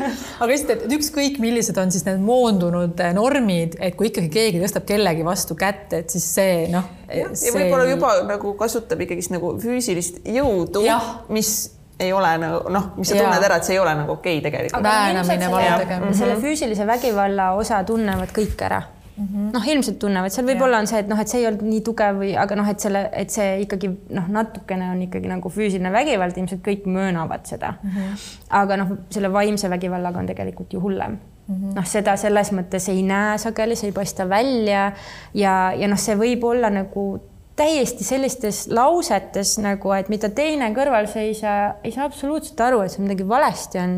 aga kuna noh, seal koduseinte vahel on sellel lausel mingi teine tähendus mm, -hmm. siis see ohver lihtsalt kangestub sul mm -hmm. seal, noh, ta ei olegi võimeline üldse nagu edasi minema, no et ja keegi ei saa aru, et mis tal nüüd hakkas mm. -hmm aga noh, see võib olla mingi koodsõna, märksõna, noh, mida iganes. mis trigerdab noh, seda. mis toob ja. välja jah, selle nagu selles mõttes selle ohtliku olukorra sel hetkel on ju. ma usun ka, et ikkagi nagu naistena tegelikult me tunne, me tunneme ära, et äh, kui nagu me hakkame juba küsima seda, et kas see nagu, kas see on ikka okei okay.. kui sa küsid, siis on kõik juba hästi, selles mõttes, et kui sa julged seda küsida ja sul see küsimus tekib, siis on kõik juba hästi, sest et siis sa juba siis tunnetad selle, jah Mm -hmm. et, et ju ei ole järelikult siis ilmselt okei okay,. et noh, et pigem ja. nagu küsi jah, et, et kui see küsimuse moment juba tekib, siis on juba, ma arvan, et see on päris hästi juba, sest et järgmine samm mm -hmm. sealt on nagu see, et sa ju küsid kellegilt, sa saad võib-olla adekvaatsema peegelduse vastu mm. -hmm. et kas see olukord oli okei okay,, ei olnud, ükskõik mis õigustusi sa sellele siis mõtled või ei mõtle, onju et aga sa saad vähemalt endale kellegi, kes peegeldab sulle tagasi, et kas sa pead sellega leppima, kas see on normaalsus või sa ei pea mhm. sellega leppima aga noh, inimesed äh, lepivad väga paljude asjadega. Aga ma ikkagi võrdlen arvestada, ma mõtlen, miks, kui ma mõtlen ka enda peale, minu lugu on nii vana, aga lihtsalt, et aga miks, miks ikkagi, kas on see ikkagi see selline suur hirm, et et ma ei leia endale kedagi, kes mind päriselt armastab sellisena, nagu ma olen. et kui, kui, kui me näiteks kõik inimestena teaksime, siis nii mehed kui naised et, et sada protsenti kindlasti on parem suhe kunagi kuskil ja ma olen sada korda õnnelikum, siis me ju jääks sellesse suhtesse, kui me teaksime seda aga, aga ilmselt ongi see mingisugune ebakindlus, et äkki ei olegi parem. jah, ja armastus on ikka ja, suur ju ka samas sealjuures. näiteks, et ongi, et ma, mis mul häda, et mul on äh, mersu ja, ja mul on äh, maja ja, ja mees natukene õiendab ja natukene lööb vahel, aga, aga tegelikult võrreldes. jah, ma suudan teda parandada ja teistel on veel hullem. teistel on veel hullem. kindlasti on kellelgi veel hullem. aga see on see pisendamine. see on see pisendamine, jah. et mis nagu et ega ilmselt ikkagi see tunne, et sa ei saa aru, et, et sul on võimalik veel paremini. Ja üks asi, mida mina olen ka elu jooksul vaadanud, ikkagi see, et see võib-olla natuke tuleb ka vanusega, et nooremana võib-olla on äh, mingisugused muud ka asjad olulised sulle rohkem või sa tahad noh, rohkem asju või teistsuguseid asju või suuremaid asju, siis täna ma lähen puhtalt õnnetunde pealt, kõik asjad, mida ma elus teen, mu töö, mu hobi, mu suhe, kõik on see, et mis emotsiooni mingi asi minus tekitab. Ja, ja see tajumine, kellel see jõuab kohale siis, kui nad on kümneaastased, kellel siis, kui nad on kolmkümmend, kellel siis, kui nad on viiskümmend, aga just see, et, et sa lähtud nagu sellest, et, et asi ei ole mitte üheski asjas või olukorras või, või staatuses või rahas, vaid puhtalt selles, et meil oleks hea olla.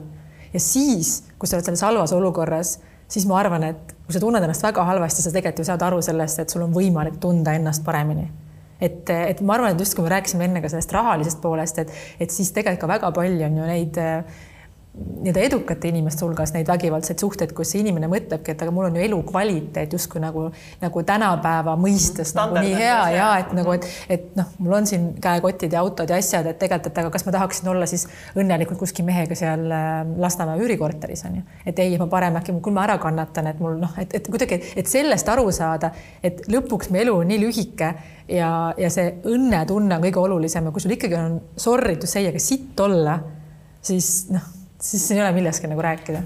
üks asi on sitt olla, teine asi on surmahirm ja, ja noh, selles mõttes suhted on ju skaalal siit siiani.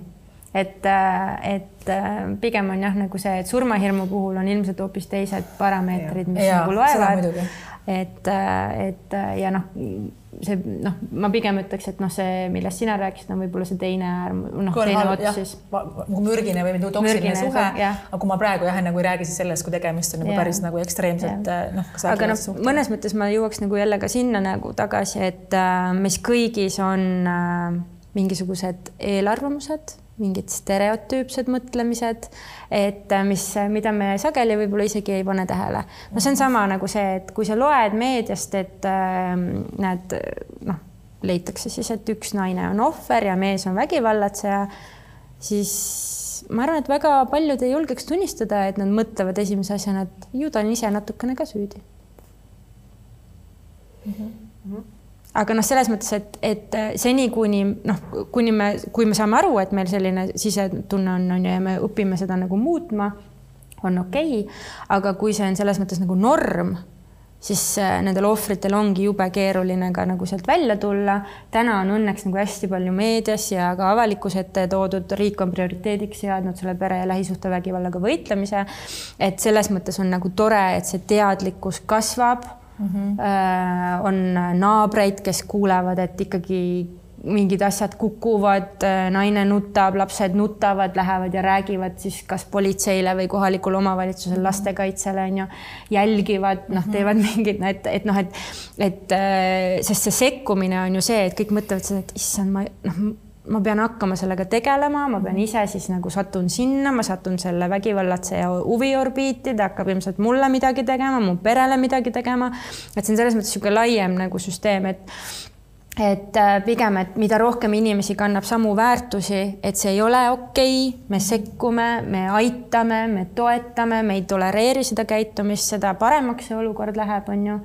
et ähm, seni, kuni ta ikkagi on selles mõttes niisugune noh, vaikimisi, et ju ta ise ikkagi oli natuke ka süüdi, et ju see naine ikka näägutas ja viis selle mehe nii kaugele, et ta okay. nagu talle kolaka kirja pani. see on nagu nii hull, see on nii hull, sest et kuskil näiteks, kui kellelgi on mingi artikkel või kuskil äh, Facebookis keegi paneb mingi artikli ja no tegelikult ei tohi neid kommentaare, ma tean, ei tohi mitte kunagi lugeda aga seal ikkagi ja, nagu ja sa vaatad neid inimeste kommentaare, mis ongi täpselt niimoodi, et ju ta ise kaagutas, ju ta ise provotseeris, ju ta ise näägutas, oh vaesekene, ei ole tal häda midagi, valetab, tõestage. mis tal ju viga, issand, nagu rikas ja, ka veel äkki juhuslikult, nagu sai oma karma ja, veel ja, ja et just, et, et, et nii kaua, kui see on, kui on neid inimesi, siis noh, et ma niikuinii loodan, et see läheb järjest rohkem ja muutuma ikkagi sinna nagu normaalse Euroopa ja Skandinaavia suunas, et, et see, see ei ole okei. okay.. kindlasti kasvab kasvab. ja, aga väga palju ilmselt ka seetõttu, et kui me mõtleme, sa enne tõid välja selle, et see ebavõrdsus, eks ju, et justkui, et ühe inimese käes ongi see suur võim ka väga palju tänu nagu rahale, võib-olla positsioonile. et mida rohkem me muutume ka võib-olla võrdsemaks, et noh, kuhu ühiskond praegu läheb ja ma vaatan praegu nagu just nagu noori, kes on siin viisteist või kakskümmend viis, et siis need suhted mulle tundub, ma ise vaatan ja mul on mõned sellised noored sõbrad ja sõbrannad, et need on, need on nagu kuidagi see mindset või, või see on hoopis juba teistsugune, et enam see ei ole nagu iseenesestmõistetav noh, võib-olla mõne jaoks pole see kunagi olnud, aga just see, et, et aa, et otsid endale rikas mees ja kes sul kõik kinni plekib, et praegu on ikkagi väga palju, see võrdsus on nagu järjest jah, see, et inimestel on mingisugused ambitsioonid ja nad on ikkagi nagu elupartnerid, kes armastavad üksteist, aitavad nagu üksteisel koos läbi elu minna ja on koos siis nagu tugevamad ja üks pluss üks võrdub kolm, aga just see ilmselt ka vähendab siis seda sellist võimu värki ja, ja samas ka tekitab äh, nagu austust, siis noh, ma nüüd ei taha öelda seda, et, et see inimene ei oleks austusväärne, kes ei käi tööl või ei tee midagi, aga, aga sul on ka lihtsam võib-olla või sa, sa noh, austa inimest, kes ka on ise nagu indiviid, et ma ühesõnaga, et see toetab võib-olla seda kuvandit, et, et kui ma olen isiksus ja ma teen midagi, et, et siis kõik need märgid näitavad nagu seda, et ilmselt see on ka nagu trendina loodetavasti pisut vähenev teema meil siin, arvestades neid kuidas need noored näevad või sa, või sa ei näe niimoodi seda? loodame selles mõttes, et äh, ega me muutume ainult niimoodi, kuidas nagu me ise inimeste ja ühiskonnana muutume, et noh mm -hmm., et, et me saame ainult loota ja endast parima anda mm. -hmm täna me anname siin kõik oma panuse, ma loodan. et, äh, et ja selles mõttes äh, noh, ongi see, et äh, noh, sa ei saa jääda sinna, et noh, et niikuinii paremaks ei lähe. noh, sa pead mõtlema, et läheb paremaks, et vaatad, mida sina saad ära teha, mida su sõbrad, mida su kolleegid mm, -hmm. et, et aidata seda süsteemi, aidata neid inimesi aidata seda murda, seda, seda halba nagu mm -hmm. olukorda ja ühiskonnas äh, tuua ikkagi natukene nagu ja. seda võrdsust. ja ma usun, et noh, meie täna siin kindlasti saame ju kõiki naisi innustada ja öelda kõigile, et sa saad täiega hakkama, sa oled parimat väärt, mis iganes see mure sul täna tundub, sa saad kõigest, kõigest saab üle, lihtsalt ongi, kui sa tunned, et näiteks tänast laivi kuulates, et võib-olla on mingid ohumärgid, siis, siis sa saad sealt välja tulla ja, sul on inimesi. just, ma tahtsin sinna jõuda ja mõned mehed ja ka mehi, ja.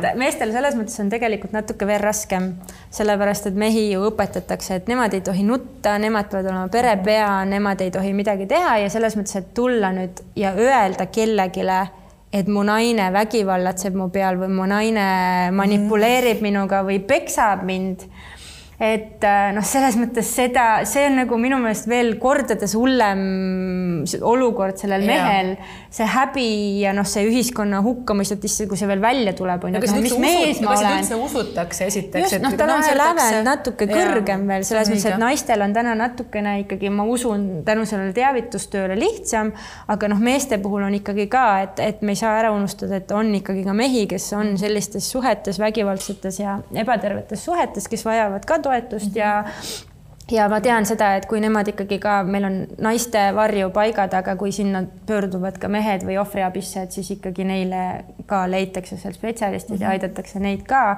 ja ka noh, muidugi era, erasektoris on väga palju spetsialiste, kes töötavad nii meeste kui naistega mm -hmm. ja lähtuvad isikust ja tema probleemist, mitte nagu soostereotüübist mm. -hmm.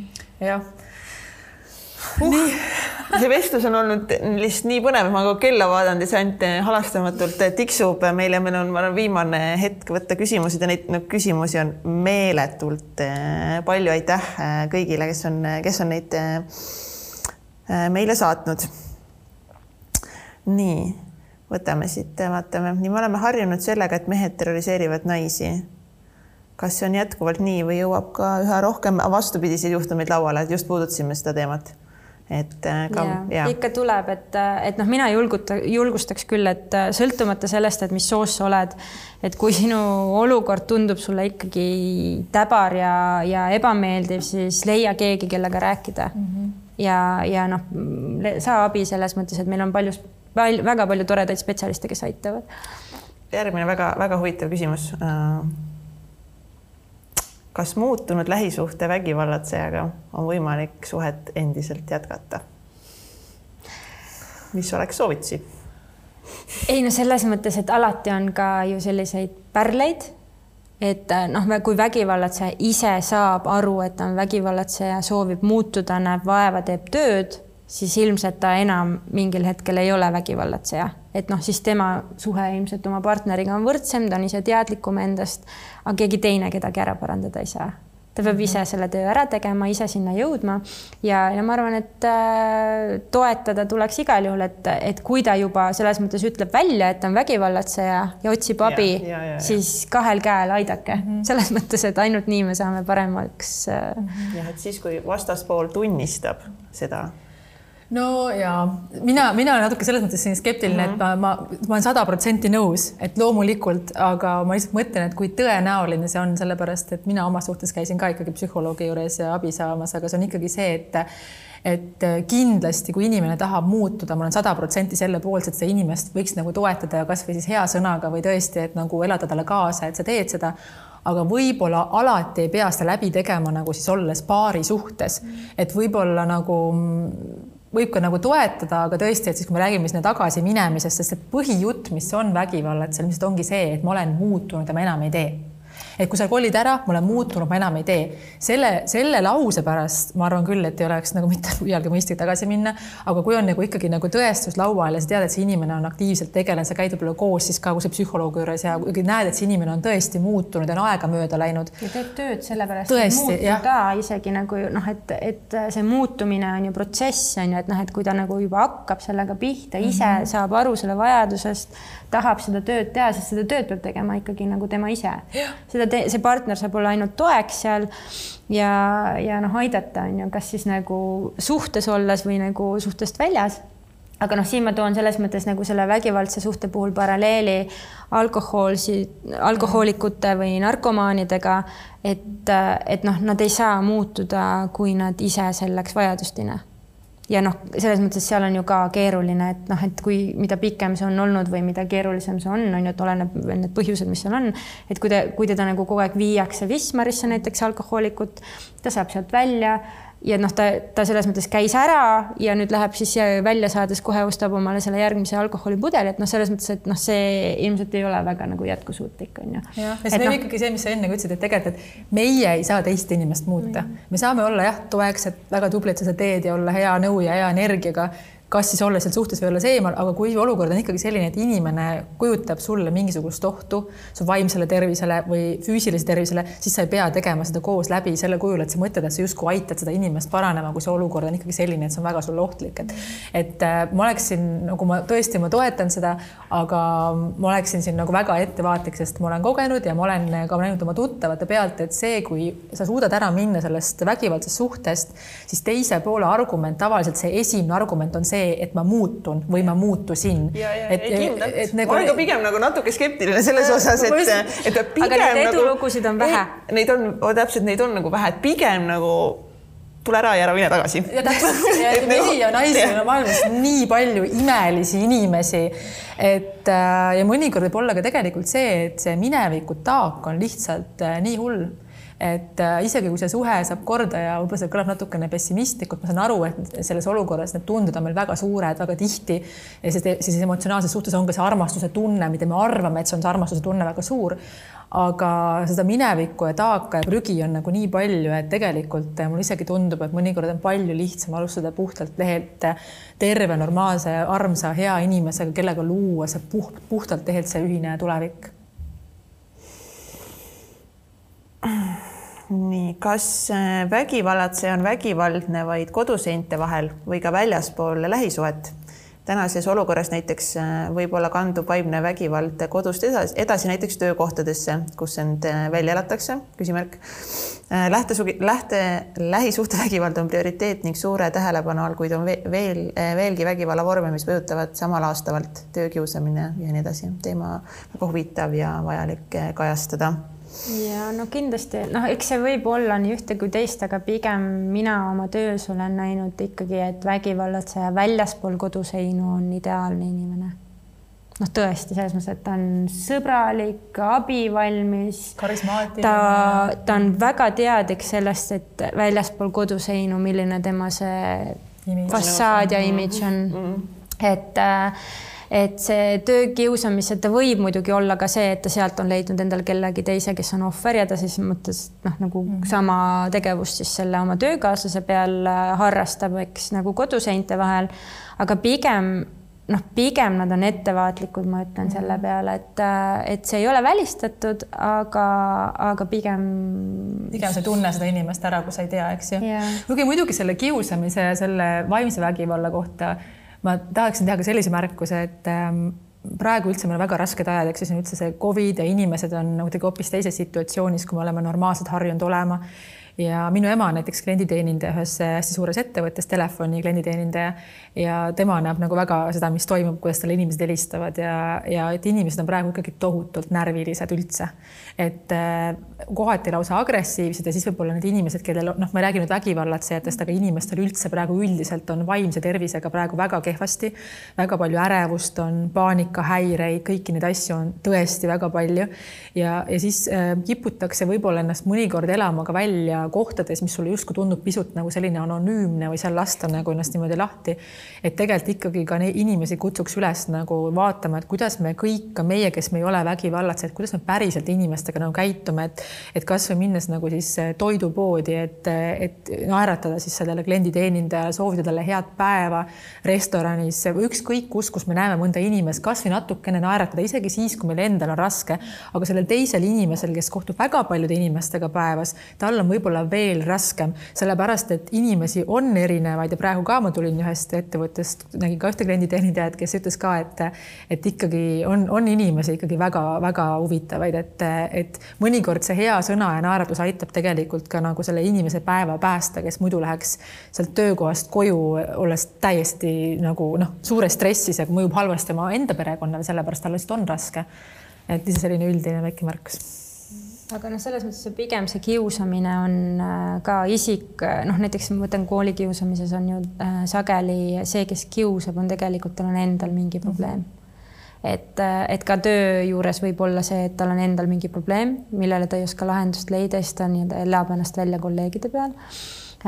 ja pigem tuleks siis ongi see, et julge samamoodi, julge rääkida mm. -hmm. tööandjad on kohustatud töökiusamisega tegelema, ehk siis sa leiad endale kellegi, kes sul vastutab selle eest ettevõttes. Ja, ja panustada pigem nagu sinna suhtlemis- ja konfliktilahendusoskuste õppimisele.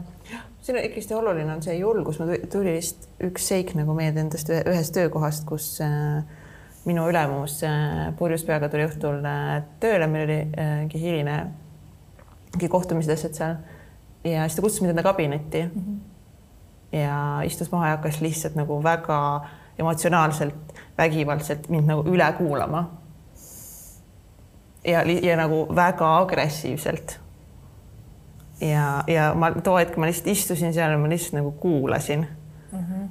ja ma, ma ei saanud nagu aru, mis, mis nagu toimub, et kuidas nagu muidu on nagu jumala tore inimene aga siis, ta nagu lasi midagi. ta lasi nagu täiesti, et nagu, kes sa, kes sa enda arvates nagu oled, mis asja sa siin korraldad, mis asju sa siin teed nagu noh ta ikka, ikka. mis on endasse kogunenud, see alkohol või midagi tähtsist? kõik nagu täiesti ja nagu hästi emotsionaalselt vägivaldseks ja, ja õnneks mul oli nagu järgmine kohe julgus nagu, nagu lihtsalt noh, teiste juhatuse liikmete juurde kohe nagu ja ta oli põhimõtteliselt nagu noh, mingite päevade pärast nagu läinud sealt mm. -hmm. järelikult see ei olnud ainukene, see oli ka teistele silma paistnud ma kahtlustan, et kui see selline kiire lõppmäng oli, sest et noh, et äge endast, mm -hmm. endast kõrgemal positsioonil oleva ju äh, töötaja või juhi peale minna, siis äh, madalamalt positsioonilt kellelegi rääkima on ju jälle samamoodi nagu väga, väga keeruline. eriti kui sul näiteks ongi, et äh, sul on seda töökohta vaja sest et majanduslikult sa ei tuleks toime ja sul tekiks noh, et, et sa ei, sa ei saa lubada endal seda näiteks, et sind äh, lahti lastakse või siis nagu see, et sul on vaja karjääri mõttes seda nagu teha, et sa oled nõus selle ära siis nii-öelda olema mingi aja, kuni sa siis saad kuskile edasi minna, on ju. et ähm, eks neid äh, selliseid juhtumeid on ka olnud äh,. Need on töövaidluste puhul ka mul laua peale juhtunud, aga ütleme niimoodi, et on ka kaks täitsa ühest ja samast sektorist on äh, kaks täiesti erinevat ka noh, nagu kuidas neid lahendati, et äh, ühel juhul lahkus juhatuse liige, teisel juhul pidi lahkuma töötaja et sarnased äh, case'id nagu, aga lihtsalt otsustamise erinevus ja, nagu. ehk siis, et noh, ongi see, et, et noh, et mida keegi väärtustas mm, -hmm. keda keegi mm -hmm. uskus. ehk siis, et noh, et kas, et, et selles mõttes ja noh, lõpuks ongi see, et see valik on ju siis selles mõttes see ettevõte ju valib, on ju jah, aga noh, selles sina saad alati, alati valida, et ongi, kui nagu mind oleks sealt nagu minema saadetud nagu adieu, vaata, et nagu selles, selles mõttes, et eh, iga asi nagu millekski nagu selles mm -hmm. mõttes hea, et sa alati leiad parema mhm. koha, kus sinust nagu hoolitakse, kus sul on nagu tore olla. muidugi, ja tööga ma tahtsin ka, see on tegelikult nagu hea point, sest et noh, töösuhetega on tegelikult täpselt sama asi. miks me kardame, ja, miks me kardame, kui palju ma olen näinud ka ise erinevatel töökohtadel inimesi, kes lihtsalt vinguvad, et kui halb siin on töötada, kui nõmedad on töökaaslased ja kui nõme töö see on.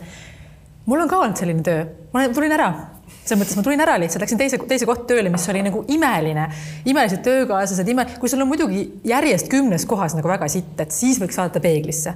aga üldjuhul on niimoodi, et, et kui sul on ikkagi väga halb, siis tule ära jumala auda nagu päriselt, sest mida, mis sa istud seal, et ja tööst on ikkagi, töölt on ikkagi natuke lihtsam ära tulla ju kui suhtest, et siin me ei räägi ju siin lastest ja muudest asjadest ja, ja praegu. majanduslik olukord on ikka mõlemal juhul on ju see, sa sõltud seda küll, aga praegusel ajal võin öelda seda, et praegu meil tegemist siis pigem tööjõupuudusega ja ka palgad on tõusnud nii palju, et pigem töökohta vahetades praegu saaks palka nagu juurde. ja eks see vabandus võib nagu lõputult leida nagu miks sa midagi ei saa teha või kus sa ei saa ära tulla ja, ja need agad, agad, agad, mul on ja. siin ju nii onju, et aga tegelikult nagu kui sa selle otsuse vastu võtad, sa alati tuleb midagi paremat. või mine kasvõi tee intervjuule, täpselt mine ka intervjuule, et sa ei pea minema, aga mine lihtsalt nagu uuri asja, et, et see on täpselt sama, et astu mingid sammud Äh, meil on siin aeg juba läbi saanud, aga võtame siit natuke veel, kas iga punane lipuke suhtes võib kohe tähendada vaimset äh, vägivalda suhtes? kontroll, kahtlustamine ja nii edasi. iga lipp küll ei tähenda, see, see lipukesed võivad tähendada ka igasuguseid, ma ei tea. Need situatsioonilised ja... olla, mitte süstemaatilised on ju, ja noh, pigem ongi Mingi... nagu et noh, see, see vägivalla puhul on see, et see on järjepidev süstemaatiline tegevus selles mõttes, et noh, et seal ei ole nagu üks asi, mis nagu mm -hmm. käis närvidele vaid et seal on pigem, et noh, need kogunevad ajas ja noh, süvenevad ja mm -hmm. neid tuleb juurde ja juurde mm -hmm. ja mhm. juurde, et. Äh, no punased lipud üldse tegelikult ja ma olen isegi teinud ühe blondkasti osa sellise, mille nimi on punased lipud ja minu jaoks näiteks üks punane lipp on see, kuidas keegi autoga sõidab. lihtsalt see võib näidata ka teatavat, eks ju, mingis mõttes väga närvilist käitumist, inimene on väga närviline, et ta võib tekitada mingeid olukordi kodus teisalt jälle see ei tähenda, et inimene on vägivaldne, see tähendab seda, et inimene on loll või ta on õppinud niimoodi autoga sõitma, sellepärast ta mõtleb, et niimoodi on äge. et, et mitte iga lipp jah, nagu yeah. ei ja need lipud on ka inimeste jaoks võib-olla pisut erinevad, et kui me räägime siin vägivaldsest suhtest, et siis on noh, nagu kindel mingisugune nimekiri, mis on siis selline üldine, mida, mida ka psühholoogid ja siis nõustajad, millele nad soovitavad tähelepanu siis nagu pöörata. aga jällegi see sisetunne ja jälgida neid asju nagu siis nagu komplektselt, et mitte ainult seda ühte asja samamoodi nagu ka ju haigustega, et ükski arst ei diagnoosi sulle ühe, ühe asja pärast, ühe sümptomi pealt, et, et meil on võib-olla mingi tuhat haigust, millel on see üks sama sümptom, aga ta mõjub ainult siis nagu komplektselt nagu vaadates. Kerli Medimini kirjutab, et tundub, et siin peab kaks punkt nulli tegema, et siin kõikidele teemadele vastata. ma võtan viimase küsimuse äh, praegu. Äh, suhe on mõned aastad juba läbi ja sealt on ka laps üks osapooltest harrastab vaimset vägivalda, sõimab, alandab, ähvardab last mitte näha aeg-ajalt, ei tee koostööd ja nii edasi, siis kelle juurde sellise probleemi puhul pöörduda, et lahendust leida? kas ainus lahend on kohus? Äh, kuna see küsimus on juba esitatud ja väga julgelt esitatud, siis ma ütleks, et ainus lahendus kindlasti ei ole siin kohus et äh, mulle tundub, et täna on see lähisuhtevägivald ju lõppenud, seal võiks olla nagu võrdsed partnerid, et noh, et igasugune dialoogi tekitamine võiks olla nagu võimalik. aga see sõltub ka sellest, et kas see teine vanem nagu tuleb, sest et noh, näiteks perelepitus on vabatahtlik, mõlemad peavad tahtma sinna tulla vabatahtlikult ja ausalt koostööd tegema, kui seda ühel poolel on, teisel poolel ei ole, siis see lahendus ei sobi ähm,. siis on võimalik natukene teistsuguste vahenditega, noh näiteks noh, ongi võib-olla lastekaitseabiga seal saada, mis on juba natuke riigi sunnivõimuga kuidagi natukene seal Äh, piiritletud, et noh, et kui lapse heaolu ikkagi on kahjustatud, siis lastekaitse peab ju seal aitama äh, kuni sinnamaani välja, et nad võivad ettekirjutusi vanematele teha, et nad peavad käima siis kas kuskil nõustamises või mingisuguseid juhiseid täitma ja noh, kui midagi ikkagi ei aita. ja noh, selles mõttes noh, on vaja sinna need piirid ja ettenähtavus tekitada, siis äh, mina ütlen küll, et ega kohus ei ole selles mõttes midagi, mida karta ja noh, see ei ole ka asi, millega ähvardada et noh, seal lihtsalt ongi, pannakse siis paika, kuidas ja mida tehakse. Eh, kas seda ka reaalselt eh, täidetakse kas seda täitmist suudetakse tagada täitemenetluse kaudu on ju, noh, see on juba nagu teine küsimus, aga noh, vahendeid, viise on ja noh, ütleme, et iga pere küsimus on ikkagi individuaalne, et seal on vaja leida endale nõustaja, kas siis nagu lastekaitsega rääkida või siis nagu leida jurist või advokaat, et kes saab vaadata sinu, sinu nii-öelda sellele olukorrale peale ja siis rätsepatööna anda sulle siis nõud, nõu selle kohta, et kuidas sina võiksid selles olukorras käituda. või mis võimalusi sul üldse on? kas oskate ka perelepitajaid soovitada? Ja perelepitajaid on meil väga toredaid ja lepitus.ee on olemas täitsa eraldi leht, kus on perelepitajad nimeliselt kõik ilusti loetletud seal ja kutsestandardid on ilusti selja taga või noh, seal ka tabelis kirjas, et äh, kvalifitseeritud äh, ja pikema aega ja siis äh, kutsekomisjonis oma taset tõstnud ja läbinud inimestel on eraldi ka kutse seal taga, nii et. kas on kallis teenus? see on nagu, nagu advokaatidega samas hinnakirjas või ta on? Võib-olla, aga ei pruugi olla, et äh, igal perelepitajal nad on üldiselt äh, sellised, kes igaüks saab ise oma teenuse eest siis hinna mm -hmm. määrata ja, ja klientidega kokku leppida, et, et ma soovitan siis küsida ja noh, neil on mingi hinnaskaala ilmselt, milles, mis on miinimum, maksimum, aga mm, -hmm. aga pigem ongi see, et kui see jääb hinna taha, siis äh, tuleb järsku mõelda, et kas saab järsku kohaliku omavalitsuse abiga näiteks nõustamist või siis on täna ju ka riiklik perelepitusteenus, mis aitab äh, äh, tasuta peresid. oleme üksteisele täpselt rohkem toeks ja julgustame üksteist ja kuulake Katre podcast'i Blond käest ilmselgelt kus on väga palju tuge, inspiratsiooni, et tänasel päeval meil on nii palju ressursse. on on ja väga palju on tõesti, aga ma selles mõttes soovitan äh, vaadata ringi, ma võtsin isegi kaasa raamatu oh., et tänapäeval on kõik elektrooniline, aga kes on vägivaldsetes suhetes, siis võiksid äh, Lundi Bancrofti Miks ta seda teeb raamatu läbi lugeda.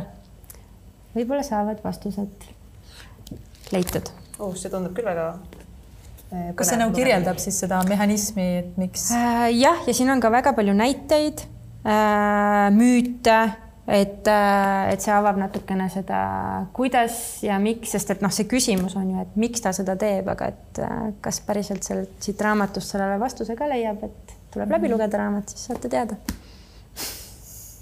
ja ja shout out kõigile naistele, kes on vägivaldsest suhtest äh, välja tulnud ja kindlasti vaata, ma usun, kui sina ka täna nagu tagasi vaatad, siis noh, ilmselgelt see juhtus mingi põhjusega, sealt tulid väga suured õppetunnid äh, kaasa. Ja... üks äh, suur, võib-olla ka üks põhjustest, miks ma täna teen seda podcast'i, et, et ei ole halba ilma heata ja ma olen tegelikult saanud sellest väga palju ka selles mõttes positiivset, et osanud vaadata ümberringi ja märgata ise ka ja olla toeks et, ähm, et ma arvan, et äh, mingi osa ka minu podcast'ist on siis mõjutatud sellest, et ma tõesti, kui ma tunnen, et minu missiooniks täna on naisi toetada ja aidata ja muuta neid enesekindlamaks ja iseseisvamaks, et võib-olla mõned juured on ka seal kuskil peidus.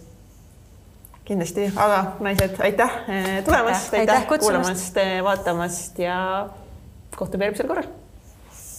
tšau